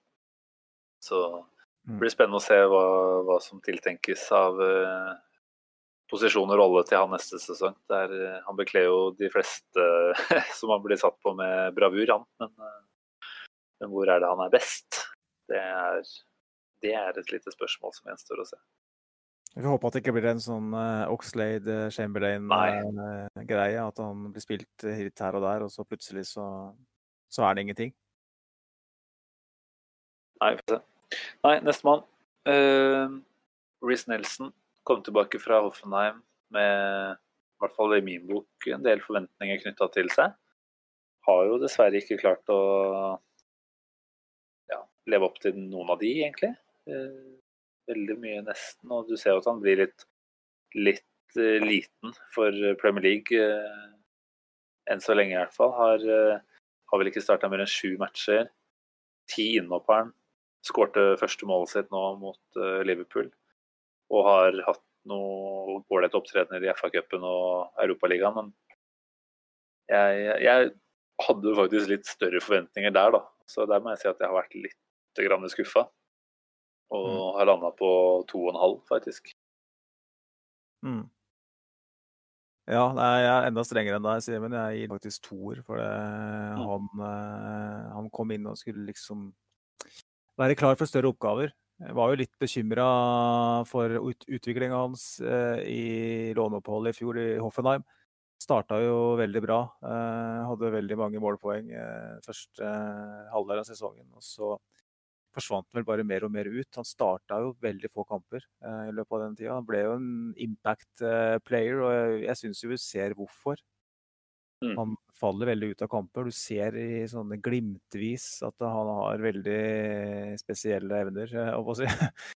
Eh, han er enorm tekniker og i, i, de rette posisjonene så har han endeprodukt som bare rakkeren, men han, han, han, blir jo fullstendig borte. Han bidrar veldig lite til uh, totalen, og det er derfor han ikke spiller òg. Uh, eh, men så er han vel fortsatt bare 20 år. Uh, så det jo, kan godt hende at han, han, kommer, altså. Men denne sesongen her så har han skuffa meg. Mm. og Derfor så får han en bleik toer. Ja, ja det, det er forståelig, det. Nicolas Pepe rekordsignering. Eh, trang eh, fødsel, kan vi vel si at han hadde. Men eh, han har begynt å, begynt å bli noe etter hvert. Han, skal vi se, og landa han på en ja, 22 matcher fra start, ser jeg, og ni innhopp. Fikk fem mål og seks målgivende i Premier League. totalt sett i alle, alle turneringer, så er han vel oppe i tosifra omtrent på begge, begge deler. Jeg tenker at vi bør ha lov til å forvente veldig mye av en, eh, en kant til 72 millioner. Og så i form av, form av det, så, så, har han kanskje ikke levd helt opp til prislappen. Men uh, vi skal huske på at han var en del av et ganske dårlig fungerende kollektiv her under Emery, særlig i starten. Så det har ikke vært en enkel debutsesong for han heller. Tilpasse seg et nytt, uh, nytt land. og Det er jo noe man alltid må ta høyde for.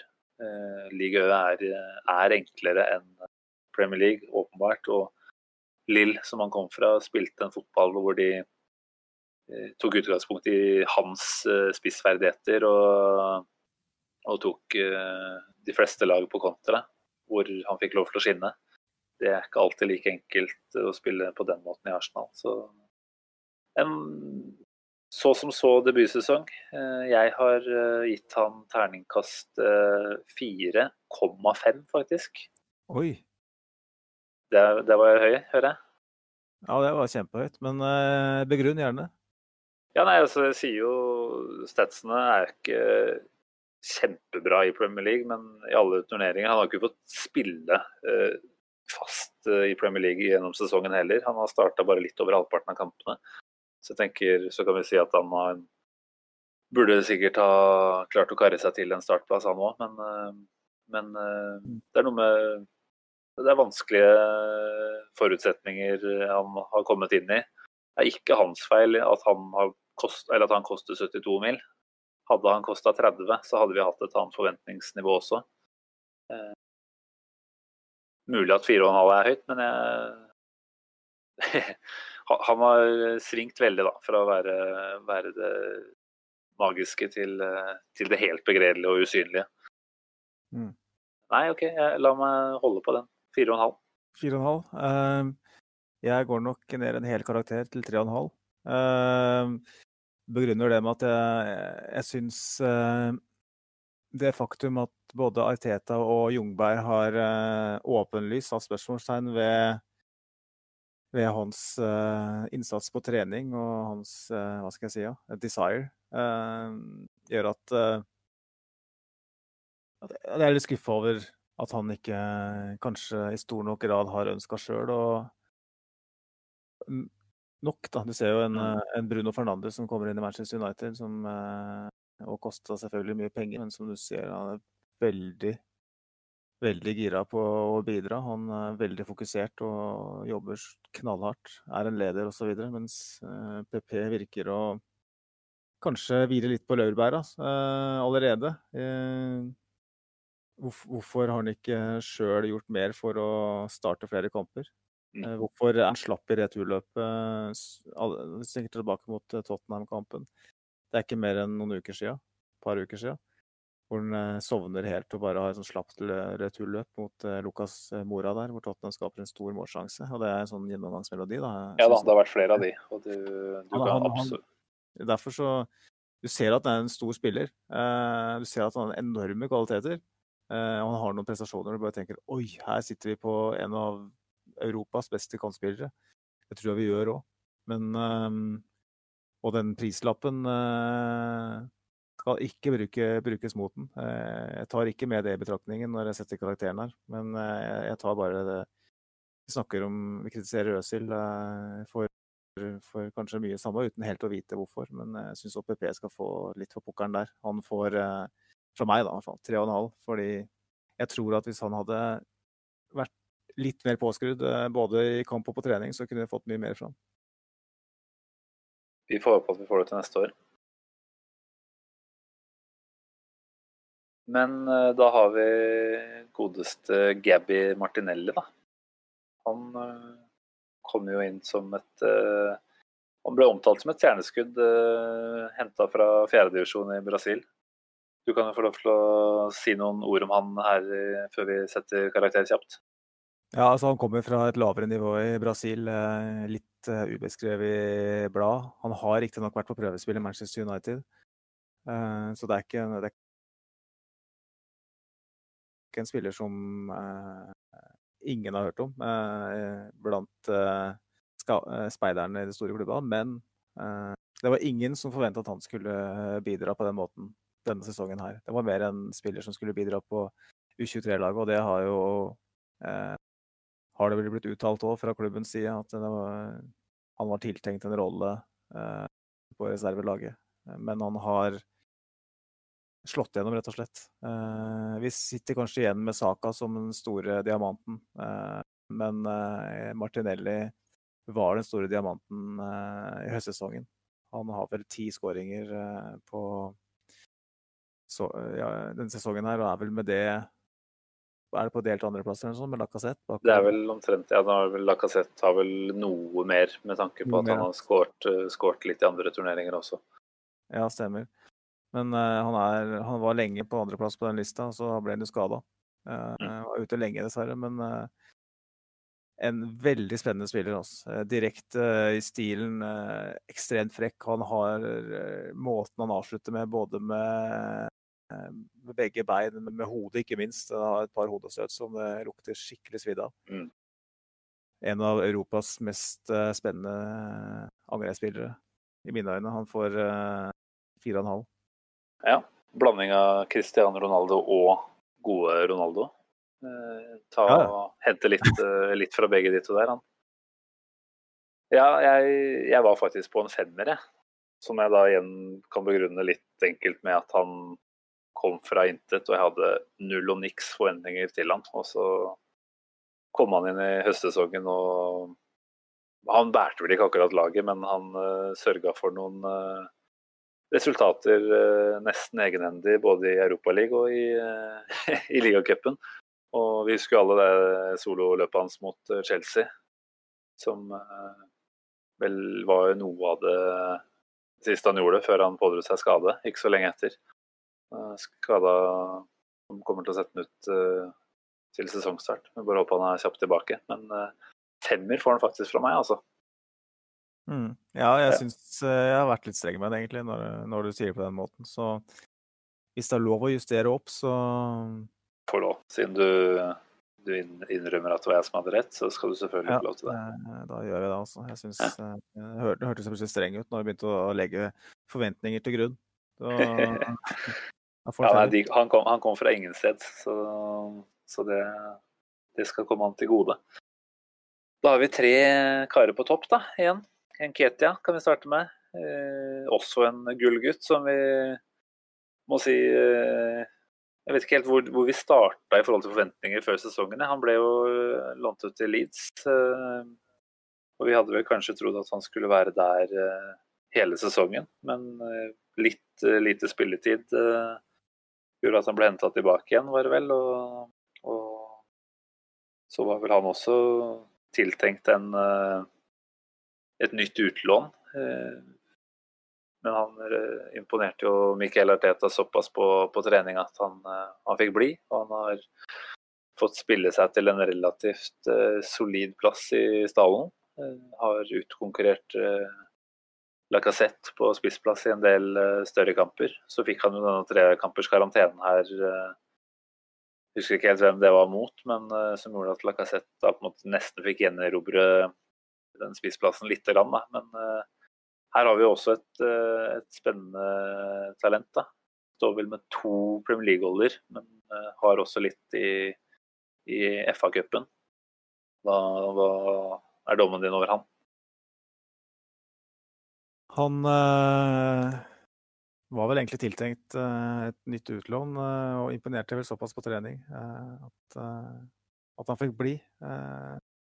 Syns jo kanskje at uh, At det ble litt overdrevet i den uh, skryten han fikk uh, periode. Han, uh, han fikk jo først og fremst spille, syns jeg, fordi at Lacassette var vaksinert. Var, var, var helt ute av det uh, foran mål.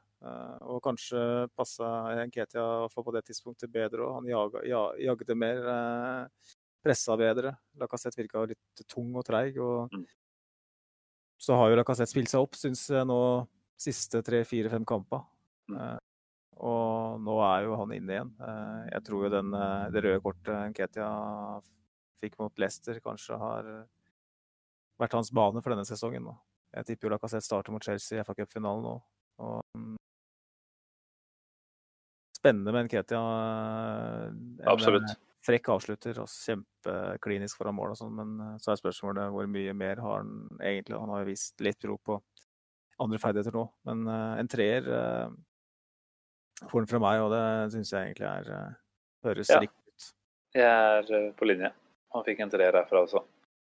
Eh, kommer jo faktisk til en del ålreite avslutningsmuligheter. og er ganske rapp, men til tross for det så har det jo ikke blitt veldig mange mål. Han har jo faktisk brent, uh, brent en ja, del ganske gode sjanser. Så, og det er liksom der han har sine store forskjeller, i presspillet og i, i avslutningsfasen. Så, sånn sett kunne jeg ønska enda litt mer fra han uh, på målfronten. Fått mm. to Premier League-goaler på Skal vi se, hvor mange kamper har det blitt i Premier League på han? Sju starter, seks innhopp. Så ikke massive tall, men selvfølgelig lavere forventninger til han i, i forkant. Så en treer eh, ja, kunne nesten til og med sagt tre og en halv, kanskje, ut ifra forventningene. Men, eh, men treeren, da er vi enige. Ja. ja. Vi nevnte Lacassette, så jeg tror vi bare skal fortsette med han, ja da. Han eh, han har jo vært helt ute av det, rett og slett. Det er i hvert fall min opplevelse nesten gjennom hele sesongen. Og så hadde han en ekstremt lang tørkeperiode som tok slutt med et sleivtreff mot Newcastle. Og så var ikke det nok til å få han i gang heller. Eh, sett eh, ja, tung ut. Allikevel altså en, en spisstype som, eh, som, man i utgangspunktet kan sette veldig pris på, som gjør laget bedre. Men eh, ikke, ikke, vært særlig god store deler av sesongen. Så har det tatt seg veldig opp i allround-spill og også noen flere skåringer nå i avslutningsfasen av sesongen. Som gjør at han faktisk har landa på, på ti Premier League-skåringer og fire assist. Det er ikke så gærent, det, altså, på 22 starter. Hva syns du om eh, franskmannen? Nei, jeg er nesten overraska at det er blitt tosifra på han. Virka som du sa, helt vaksinert. og trengte jo at noen skjøt ballen i ryggen på han og at han skulle gå i mål, eller noe sånt, for det var helt umulig for han å skåre. Um, men uh, han er jo en hjemmebanespiller, da. Uh, spiller stort sett bra på hjemmebane. Skal, har vel er det to bortemål denne sesongen her. Begge kom nå siste måned mot Wolverhampton og Tottenham, var det vel. Før det så skåret han ikke på bortebane før var det januar 2019 eller noe sånt. Ja, da, hadde det gått nesten to år der, vel. Nei, eh, ett år. Ja. Så det er klart, slike tall for en uh, spiss til 50 millioner pund, det, det holder jo ikke. Uh, jo, så er jo da spørsmålet ved hva, hva slags rolle spilleren i, i laget nå. Uh, har jo perioder vært nesten nede i midtbanen og, og vært en, en tier, nesten. Eller kaller det en falsk nier, da. Uh, som ligger dypere. Og så har du Aubameyang og PP som da jager på flankene innover. Så det er kanskje naturlig, i hvert fall etter hvert, at han ikke er så mye involvert eh, i målprotokollen. Men eh, han er jo en såpass god avslutter, og det er en avslutter han er først og fremst er. Så skal han bedømmes på bakgrunn av det, så, så er jeg skuffa. Men eh, ja. Han lå til en toer, men han får ja, ja, jeg vet da, jeg gir en tre. Altså. Såpass når du har 14 målpoeng i Premier League, da må du få en tre. Ja, nei, Jeg også ble litt overraska når man ser totalen. Den er ikke, den er ikke så UF-en, den. Jeg har, uh, hadde liksom et inntrykk av, i hvert fall som jeg satt igjen med inntil siste, siste, ja, før den siste måneden, om at dette her var ganske begredelig, egentlig. Men, uh, men med de prestasjonene han har levert nå, syns jeg han, han, gjør jo Han lager bedre. Han har en, uh, en rolle han spiller der som på noen måter i hvert fall kan minne om Firmino. Og så lenge Firmino er omgitt av eh, kanter som eh, pøser inn mål, så er det ingen som snakker om at han skårer litt færre. Så jeg vil si at Alex Lacassette faktisk eh, har kommet brukbart igjennom til slutt, da, når man skal telle opp helt til, helt til slutten her. Så jeg landa på 3,5, faktisk. Ja. Syns han fortjener. Liker typen også. Vi må si det veldig godt. Så det blir spennende å se hva som skjer nå, om det blir noe overgang på han i, i sommer. Arteta har jo også vært veldig raus med godordene når han har snakka om Lacassette, men det, det, må han jo si har vært mot mange, da. Så kanskje ikke så veldig mye man skal legge i det. Men han er 29 år og er på sin absolutte topp nå. Så hvis det er, eh, hvis det er dette her vi på en måte får ut av en, en maks Lacassette, så det, er kanskje ikke bra nok. Men eh, det holder til en, en midt på tre-karakter, i hvert fall. Ja, og det Når du har en spiller som er 29 år som har en videresalgsverdi nå som kanskje ikke er den samme om et år. Har to år igjen på kontrakten.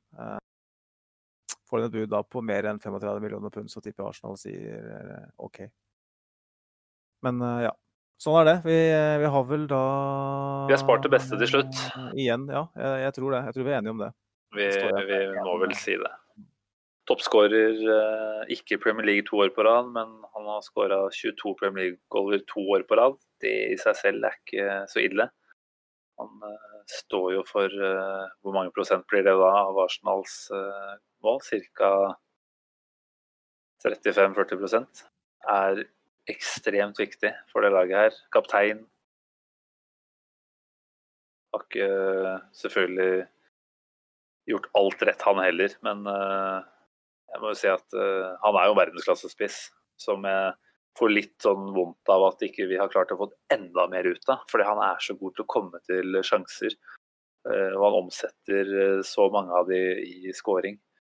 Så hans problem er at vi ikke har gitt han enda flere sjanser, rett og slett. Jeg eh, kan spare karakteren min til, til slutt, så kan du få lov til å komme med noen ord først her. Ja, han uh, skårer 22 ligamål denne sesongen her. Uh, for et lag som er på 16.-plass på den statistikken når det gjelder å, skape sjanser. Det er et monstertall, rett og slett.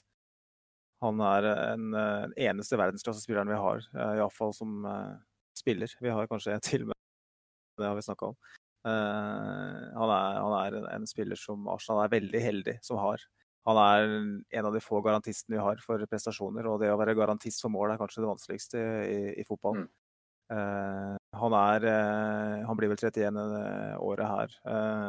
jeg forstår hvis Arsenal føler seg tvunget til å selge, men det her er det beste vi har. Det er det viktigste vi har. Den beste spilleren vi har, uten tvil. med tanke på, som jeg sa, antallet sjanser skapt. den brokete sesongen vi har hatt så er det fremdeles bare én mann foran på toppskårerlista. Han skårer flere enn eh, Mané, Salah, Rashford. Hele den gjengen der. Um, ja, det er, jeg har satt en femmer på han. Uh, det er nesten for lavt, men uh, jeg får stå for det. Uh, han er ja, ja.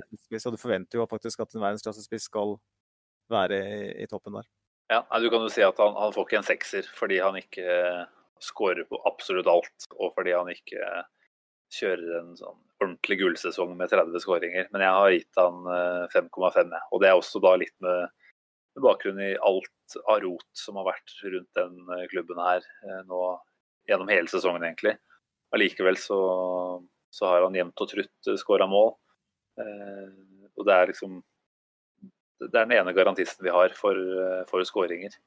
Så han har uh, sjelden eh, skuffa. Han har jo selvfølgelig noen enkeltkamper han hvor han, han, brenner litt, men, men han har outscora den såkalte XG-en sin med seks skåringer. Det var ikke venta at han skulle skåret mer enn 16 mål, hvis man skulle tro det. Og det sier jo også litt om at han er, han er ekstremt dyktig til å omsette. Da. Og jeg tenker igjen, Problemet her er at ikke vi har klart å spille han til enda flere muligheter. fordi da, da skårer han enda flere mål. Så jeg, da, vi har absolutt fått han til å funke på en ålreit måte fra en slags venstre kantposisjon, men da hadde det vært eh, spennende å sett hvordan han, eh, han funka ved å være spydspiss og hatt, hatt spillere rundt seg som hadde gjort at han fungerte der, da. Det har vi nok ikke, så jeg ser jo for meg at han, hvis han blir, som han forhåpentligvis gjør, er eh, tiltenkt en, en venstrerolle kanskje også neste år. Men det blir veldig spennende å se hva, hva som skjer der. Det er Men, viktig å, eh, å, å, påpeke det at, uh, at, at Ababayang uh, var en spiller som gjerne ble kritisert fordi at han brant for mange sjanser. Eh, kanskje ser vi en Aubameyang som er blitt enda smartere, enda bedre. Eh, og vi da eh, kanskje ikke i stor nok grad er i stand til å utnytte kvaliteten hans. Eh, han er ekstremt seriøs. Ja, han poserer med eh, gullforgyllede Lamborghinier og Ferrarier og svære gullkjeder og eget kleskolleksjon. ikke sant? Han er jo en eh, Han er litt sånn Hva skal jeg si? Han er jo showman på utsida. Ja. Men i, sånn, sånn, som jeg har forstått det, så er det ingen som er uh, mer fit når en mann kommer preseason enn Aubameyang. Han er til fingerspissa seriøs. en mann som vi må være stolte av å ha i klubben vår, og som vi bare får krysse alt vi eier på at det er i Arsenal når vi skriver 12.9., når den nye sesongen sparkes i gang. Det Jeg tør ikke å tenke på hvordan det skal se ut. Det å gå inn i en sesong uten han. Da, da er ikke vi på vei oppover på tabellen, i hvert fall. Det, det er jeg ganske sikker på. Men det betyr det da, at uh, med 5 og 5,5 så er det liksom ikke noe tvil om hvem som er uh, sesongens spiller i våre øyne. Det var vel uh, han og Leno kanskje som var de to som, som kunne, kunne, få den. Du er eh, enig i at det er en, eh, en fortjent tittel? Utvilsomt. Eh, han er årets spiller.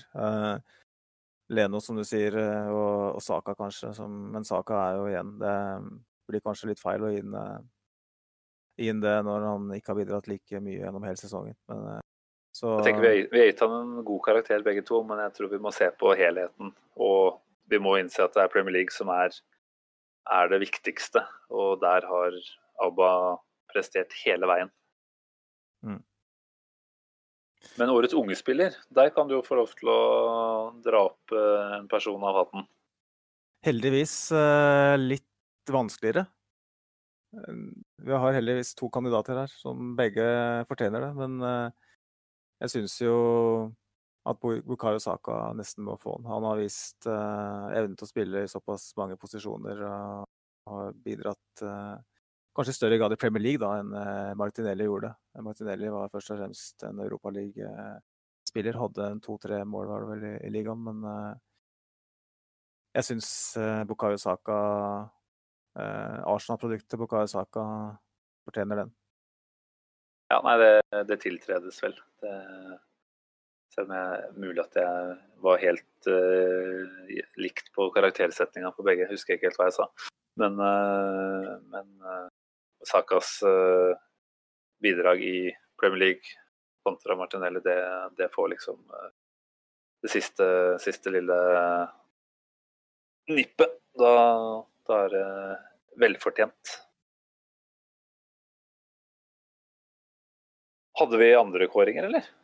Vi hadde jo da vet ikke om vi skal ta årets lag før vi setter årets eh, skuffelse og årets mål. Det er vel de to som, som gjenstår, i min bok iallfall. Kjør årets lag, da. Du som har, uh, har tegna ned eh, karakterene her. Da kan det bli litt sånn eh, halvveis brokete her, men eh... La oss ikke sette opp i en uh, treer slash femmer bak, da. Vi sier 4-3-3, så dytter vi inn spillerne deretter. OK. Mellom stengene da blir uh, Bernt Leno. Uh, I knallhard konkurranse med Martinez, men uh, Leno hadde såpass mange måneder med stabile prestasjoner at han får, får hanska.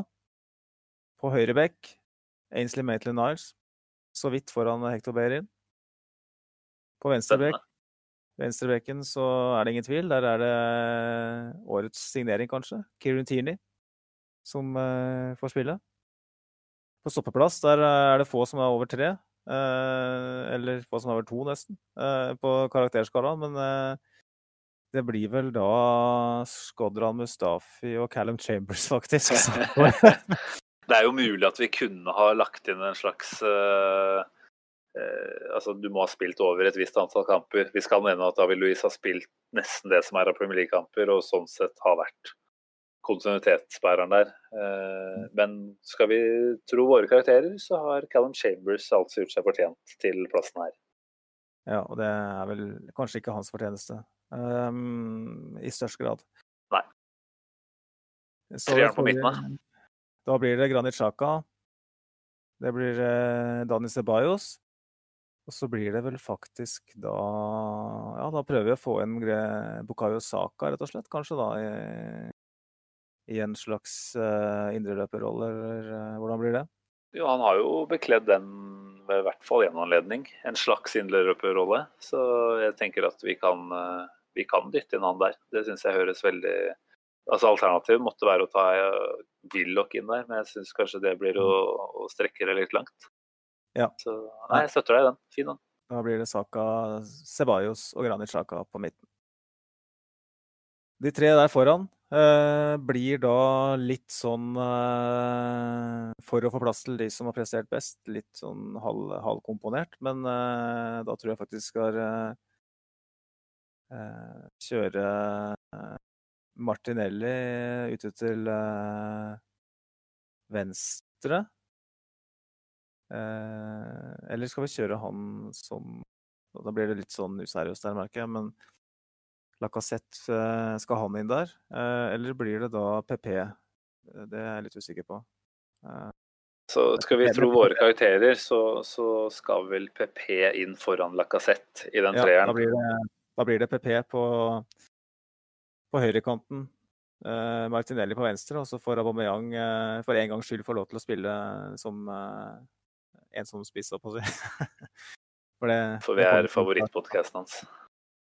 Tviler ikke på det. Nei, jeg syns det høres ut som et uh, ganske fint lag, egentlig.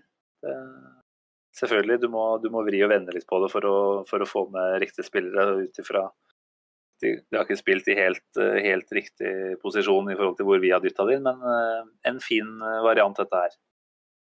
Mm. Jeg har ett terningkast til som jeg har lyst til at vi skal sette før, før vi hopper videre her, og det er manager. Vi kan jo starte med han som tok oss uh, i gang i denne sesongen her, Unai Emery. Fikk 13 kamper. Uh, målforskjell 18-19. Og vi tok 18 poeng på de kampene. Hvilket tilsier et poengsnitt på 1,38 ikke mulig å gi han noe, enn, noe mer enn en toer, i hvert fall. Han skal få en toer, eh, syns jeg. Uh, det, er ikke, det, er jo ikke, uh, slik at han nødvendigvis uh, jobba veldig godt med de som satt over han heller. Han fikk jo vanskelige arbeidsforhold. Den ledelsen som satt over han når han kom inn, forsvant jo én etter én. Han ønska seg Wilfred Saha, som er en uh, venstrekant med, med høyrefot, og fikk en Nicola Pepe, som er, venstre, som er en, venstre, en høyrekant med venstrefot. Uh, klart. Uh, da blir det da blir, Jeg skal ikke skylde på de bak han nødvendigvis hele veien her, men det, får, tiden vil vise hvor lett det er å være hovedtrener i Arsenal med, mm. under rådende forhold. sette en ener syns jeg blir useriøst. så mm når vi ikke kjenner fakta godt nok. Så han får en toer av meg òg. For meg så handler det veldig mye om måten han utøvde lederskapet på. Det var, det var så dårlig. Og han hadde også Når ikke kommunikasjonen eh, evner å være bedre, da har du et veldig dårlig utgangspunkt. Så jeg tror, tror det var en eh, Han var ganske doomed eh, egentlig fra han kom inn. Så var det egentlig håpløst at det fikk lov til å vare videre inn i denne sesongen her. Han skulle jo fått fyken uh, før, før, sesongstart, i min, mine øyne. Men uh, nei da, det, det, er et endt kapittel. Og etter et lite miniopphold fra, med Jungberg i sjefsstolen, som ikke vi trenger å karaktersette, så kom jo Arteta inn. Fikk uh, 20 kamper. 32-21 i målforskjell og 33 poeng på disse som tilsvarer 1,65 i snitt. Uh, det er jo ikke til å bli blown away av, akkurat. Det er ikke fantastiske tall, men eh, noe mer solid og noe mer eh, kreativt uh, framover. Så og han, og han, kom uten preseason. Han kom til et uh, rottereir av vanskelige ting å forholde seg til. Så jeg syns han har uh, sagt og gjort veldig mye riktig. Og så er det som du sier, tida vil vise hvor mye han faktisk får utretta. Men uh, kan jo ikke si annet enn at jeg er veldig positiv til det her. Så har han hatt uh, visse sider, særlig med litt taktiske disponeringer underveis i kamper, som absolutt har vært uh, litt mer uh, urutinert preg. Så, så han har jo, har jo ikke vært perfekt. Så i min bok så er jo Teta en, et sted mellom 4 og 5, og da blir det jo 4,5. Mm. Ja, den, den, den, støtter jeg. 4,5 høres riktig ut. Han, han har jo aldri vært hovedtrener eh, på toppnivå tidligere. Det er han, dette er jo den første jobben hans, rett og slett. Og mm, han kommer inn og kommuniserer ekstremt godt. I forhold til forgjengeren så er han jo Kennedy. Han er helt enorm eh, på den biten der. Og du sa jo, nevnte det med at vi var mer kreative offensivt.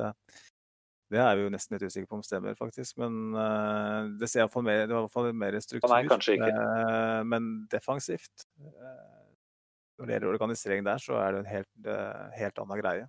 Måten vi forsvarer oss til seier mot både Liverpool og Manchester City helt nylig, er jo noe som vi ikke har sett fra Arsenal på veldig, veldig lenge. Og han har jo uttalt at han gjerne ser for seg å lage en defensiv plattform eh, først. For at det på en måte skaper, skaper den tryggheten du trenger for å kunne bygge videre framover. Og det er jo nettopp det han har gjort, og det er derfor vi òg ser at uh, vi skaper få målsjanser. Mm. Tror jeg, da. Jeg tror vi har mye spillemateriell til å skape langt mer sjanser, men selv vi mangler, ja, vi mangler nok en kreativ midtbanespiller, men vi er ikke på 16.-plass uh, ferdighetsmessig sånn sett. Og han viser jo at han kan det eh, i sin aller første jobb. Eh, han har connection med klubben, og han eh, kommer inn, som du sier, i et rotteleir. en umulig oppgave, nesten. Så får han en pandemi i tillegg og kommer ut på andre sida, jeg vil si styrka. Mm. Det er en stor prestasjon. Han kjenner ikke spillere så godt heller, ikke sant? og plutselig så må du sitte på, på Skype eh, i to-tre måneder. Så... Mm. Og vi ser at han klarte å snu Chaka, Altså i form av man management, først og fremst. Han har sagt de rette tinga til Chaka. Han har klart å få han med på laget.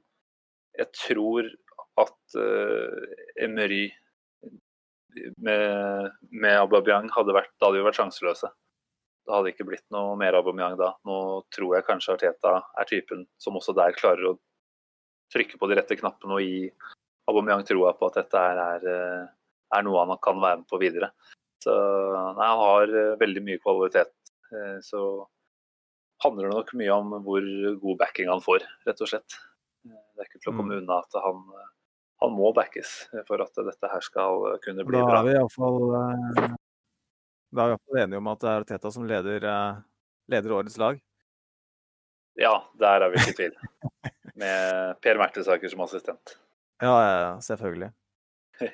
um, Da står vi igjen bare med Nå har vi gått eh, kraftig på overtid, antar jeg, men uh... jeg, jeg, skulle til å si det, så det begynner jo å dra seg til her uh, på kvelden hvis vi skal kåre masse mer. Men du skal få komme med én kåring til, Magnus.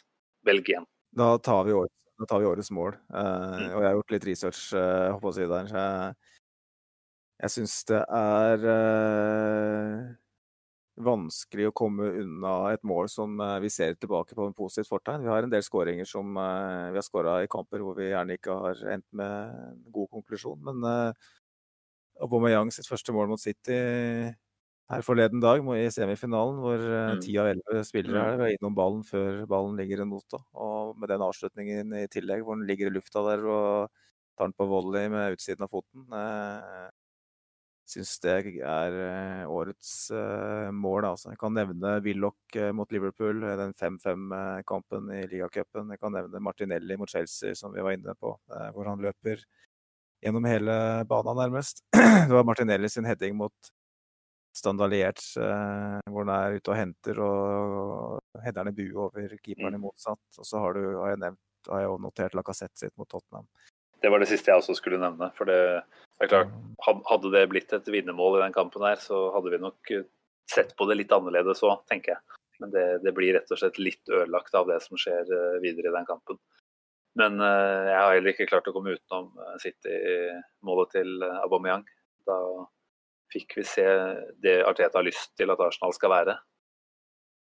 og som vi også var inne på i opptalen av den kampen, det andre målet var et helt annet et, som også viser at vi, vi har mange strenger å spille på. Men, men, akkurat det målet der var uh, bortimot et uh, perfekt teamgoal. Og den tekniske utførelsen i avslutninga der og topper kransekaka. Så jeg skal ikke utfordre deg på den, så da er vi faktisk enige der.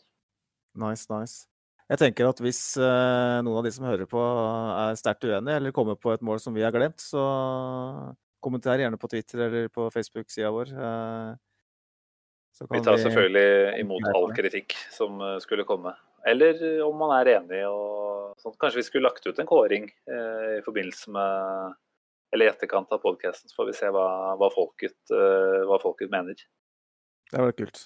Ja. Nei, det har vært mye å jobbe seg gjennom, Magnus. Men eh, dette var knallbra. Så lurer jeg litt på da, om du orker å by på den virkelige rosinen i pølsa. Jeg vet at du har forberedt et, eh, et lite stykke i dag også. Ja, eh, jeg har jo en X-spiller som gjerne skal få litt heder og ære, eller kanskje til og med det motsatte. Vi får se hva som, som kommer her. Ja, nei, Jeg er veldig klar for å avslutte denne podkasten med et eh, tilbakeblikk, så vær så god. Stopper med tæl og fysikk, men ingen bauta. 100 kamper med flagget på brystet, men ingen stjerne. Kompromissløs type med susende taklinger, men ingen Adams. Dette håpløse forsøket på en Askepott-referanse er vel på nivå med prestasjonene til den høyreise stopperen som Arsenal henta til London på starten av 2000-tallet. Vel hadde Arsen Wenger en strålende teft på overgangsmarkedet, men i løpet av 22 år måtte det bli noen skivebom. Dette forsøket var langt unna å treffe skiva. Det var nesten som vådeskudd å regne. Med Tony Adams ute med skade trengte The Famous Back Four friskt blod. Dixon var fremdeles der og det samme var Keon. Bak dem, og en velpleid bart, sto David Seaman fjellstøtt.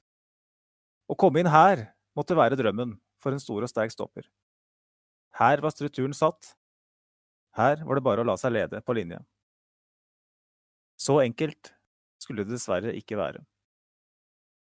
Det ble tidlig klart at vår mann ikke hadde nivået inne. Etter litt inn og ut av laget innledningsvis ble han kastet til løvene i februar 2001, lederen av linja, på Old Trafford, i tospann med Jill Grimandi, flankert av Oleg Luzjny og en porung Ashley Cole. Dette kunne ikke gå bra, og det gikk enda verre. 1-6. En av få ganger hvor Arsen Wenger angivelig skal ha mista besinnelsen fullstendig i garderoben. Man kan også forstå det, for det er vel få enkeltmannsprestasjoner som huskes bedre av feil årsaker. Den har nesten blitt ikonisk. Etter kampen veksla Ray Parler et par ord med kampens store spiller Dwight York. Hat trick-helten spurte Romfords Pelé om hva som var greia med Arsenals nye midtstopper. Palos svar var treffende. Oh, it's a long story. I senere tid har Ray Parler servert oss den lange historien og den er enda mer ikonisk enn vaklevalsen på Old Trafford. På en treningsleir sommeren 2000 hadde Arsenal gitt en rødhåret stopper sjansen på prøvespill. I en treningskamp hvor Martin Kion ble sittende på benken, fikk han sjansen. Alle visste at Martin Kion ble paranoid da klubben jaktet stoppere. Alle visste hvilke knapper de skulle trykke på for å vekke paranoiaen skikkelig til liv. For hver duell prøvespilleren vant, applauderte medspillerne sjenerøst på benken. I særdeleshet Dennis Bergkamp, som etter enkle pasninger reiste seg opp og utbrøt Oh, what a ball! Martin Kion følte seg uvel, og truet. Målet for spøken var nådd. Det de ikke visste, var at de sjenerøse omtalene og den spontane applauderingen også lurte trenerteamet på benken. Noen uker senere på London Colony dukka prøvespilleren opp i garderoben. Han hadde fått kontrakt. Fireårskontrakt. Ray Parler forsto ingenting. Ei heller hans lagkamerater. Som Parler sa, han var ikke i nærheten Det var litt som å ha med seg broren sin på trening. Etter katastrofen på Old Trafford fikk vår mann kun én ytterligere kamp denne sesongen. Wenger så det alle andre så. Sommeren etter fikk vi et Oddvar, Oddvar Brå-moment, da Sol Campbell tok turen ned Seven Sisters Road. Vår mann var avskiltet, og Martin Keon, og de fleste andre som er glad i Arsenal, kunne puste lettet ut. Det ble noen få innhopp de neste par sesongene, før kontrakten gikk ut i 2004, men det ble med det. Det ble heller ikke lettere i årene som fulgte. Mindre vellykkede opphold i Sveits, Latvia og Danmark vitner om at dette virkelig ikke var blant Wengers innertiere på overgangsmarkedet. Med stolthet prydet vi oss ofte med frasen 'Arsen knows'. Men likevel Stepanos? Igor Stepanos?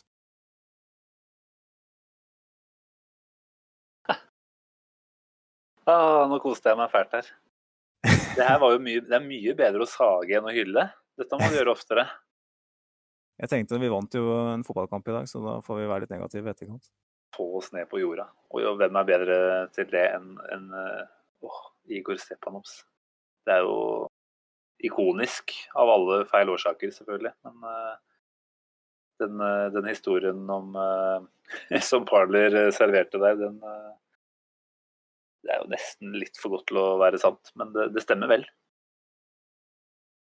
Ja, det tror jeg. Eh, jeg har, den har ikke blitt backa opp av noen andre, tror jeg. Men hvis du ser på hva han presterte, så, så virker det litt sånn Han var altså, i mine øyne I den grad jeg har en god hukommelse, så er det den dårligste spilleren jeg har sett spille for Arsenal. Ja, nei, jeg, jeg, skal vel ikke si at jeg kan huske så veldig mye av det, men man husker myten. Da.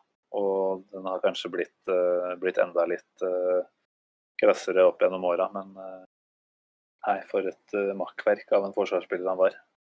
Det har liksom bare, bare å minne seg disse Særlig den fadesen på Old Trafford. Da, da, da blir du litt lunken i forhold til Wengers evner i en viss periode. Men han, han dro opp noen andre av hatten som gjør at vi totalt sett skal, skal, gi ham på plussen. Men dette her dro han langt ned på, på minussida en periode, altså. For en uh, kriseovergang. Men uh, de retta opp i det ganske snart. Og Saul Campbell kom inn og var heldigvis noen hakk bedre. Ja, vil jo si at uh, han var bitte litt bedre, ja. Så... Bitte litt bedre. Nei, dette var også veldig, veldig bra, Magnus. Tusen takk. Håper uh, alle dere som sitter og hører på oss og koser dere med disse tilbakeblikkene her. Fordi uh, de er uh, brukt litt tid på. Du må jo si det. Så at du, at du tar deg den tida der, Magnus, og serverer gode, gode, tekster med godt innhold, det, det nyter vi. Tusen takk. Så tror jeg rett og slett vi bare må sette en strek der. For nå har vi holdt på altfor lenge. Mye lenger enn det vi hadde trodd. Dette med å sette kåringer og, og rate spillere, det var visst ikke gjort i en fei. Så beklager til alle som er litt svette i øret akkurat nå. Eh, håper dere allikevel har eh, kost dere litt, da. Og sesongen er ved veis ende. Hva skal vi si, Magnus? Avslutter vi med en FA Cup-finaleseier? Uh, jeg syns det er vanskelig å spå. Jeg har ikke lyst til å jinxe det, negativ, men uh, jeg har litt, jeg har litt trua. Så håper jeg, og som vi var inne på i forrige episode, at det er ei fiskeskøyte der ute i Svolværs uh, havgap som, kan, som har nettilgang, som kan forbarme seg over Simen. Jeg er Henningsvær den dagen der, ja. Så vi, vi krysser fingra. Ellers så skal jeg, skal jeg nok sitte og høre, finne en radiokanal et eller annet sted, vet du. Vi kan vel ikke helt si at vi veit når vi prates igjen. Det blir jo et, en stund etter eh, FA Cup-finalen. Så vi håper at det blir en lystig, en lystig pod på det tidspunktet der. Så får vi dra i gang med litt uh, preseason-tanker og se fram mot uh, det som skal skje fra 12.9 utover. Men uh, per nå så får vi vel egentlig bare si uh, Takk for ingenting, Arsenal. Dette her var uh, begredelige saker. Verste Premier League-sesongen uh, ja, Hvor mange år er det? da? 50 år siden vi har vært uh, så dårlig. Så dere har bare å, å snu dere rundt og sørge for at dette ikke gjentar seg til neste år. Så sier vi tusen takk for følget i dag, og på gjenhør. Ha det bra.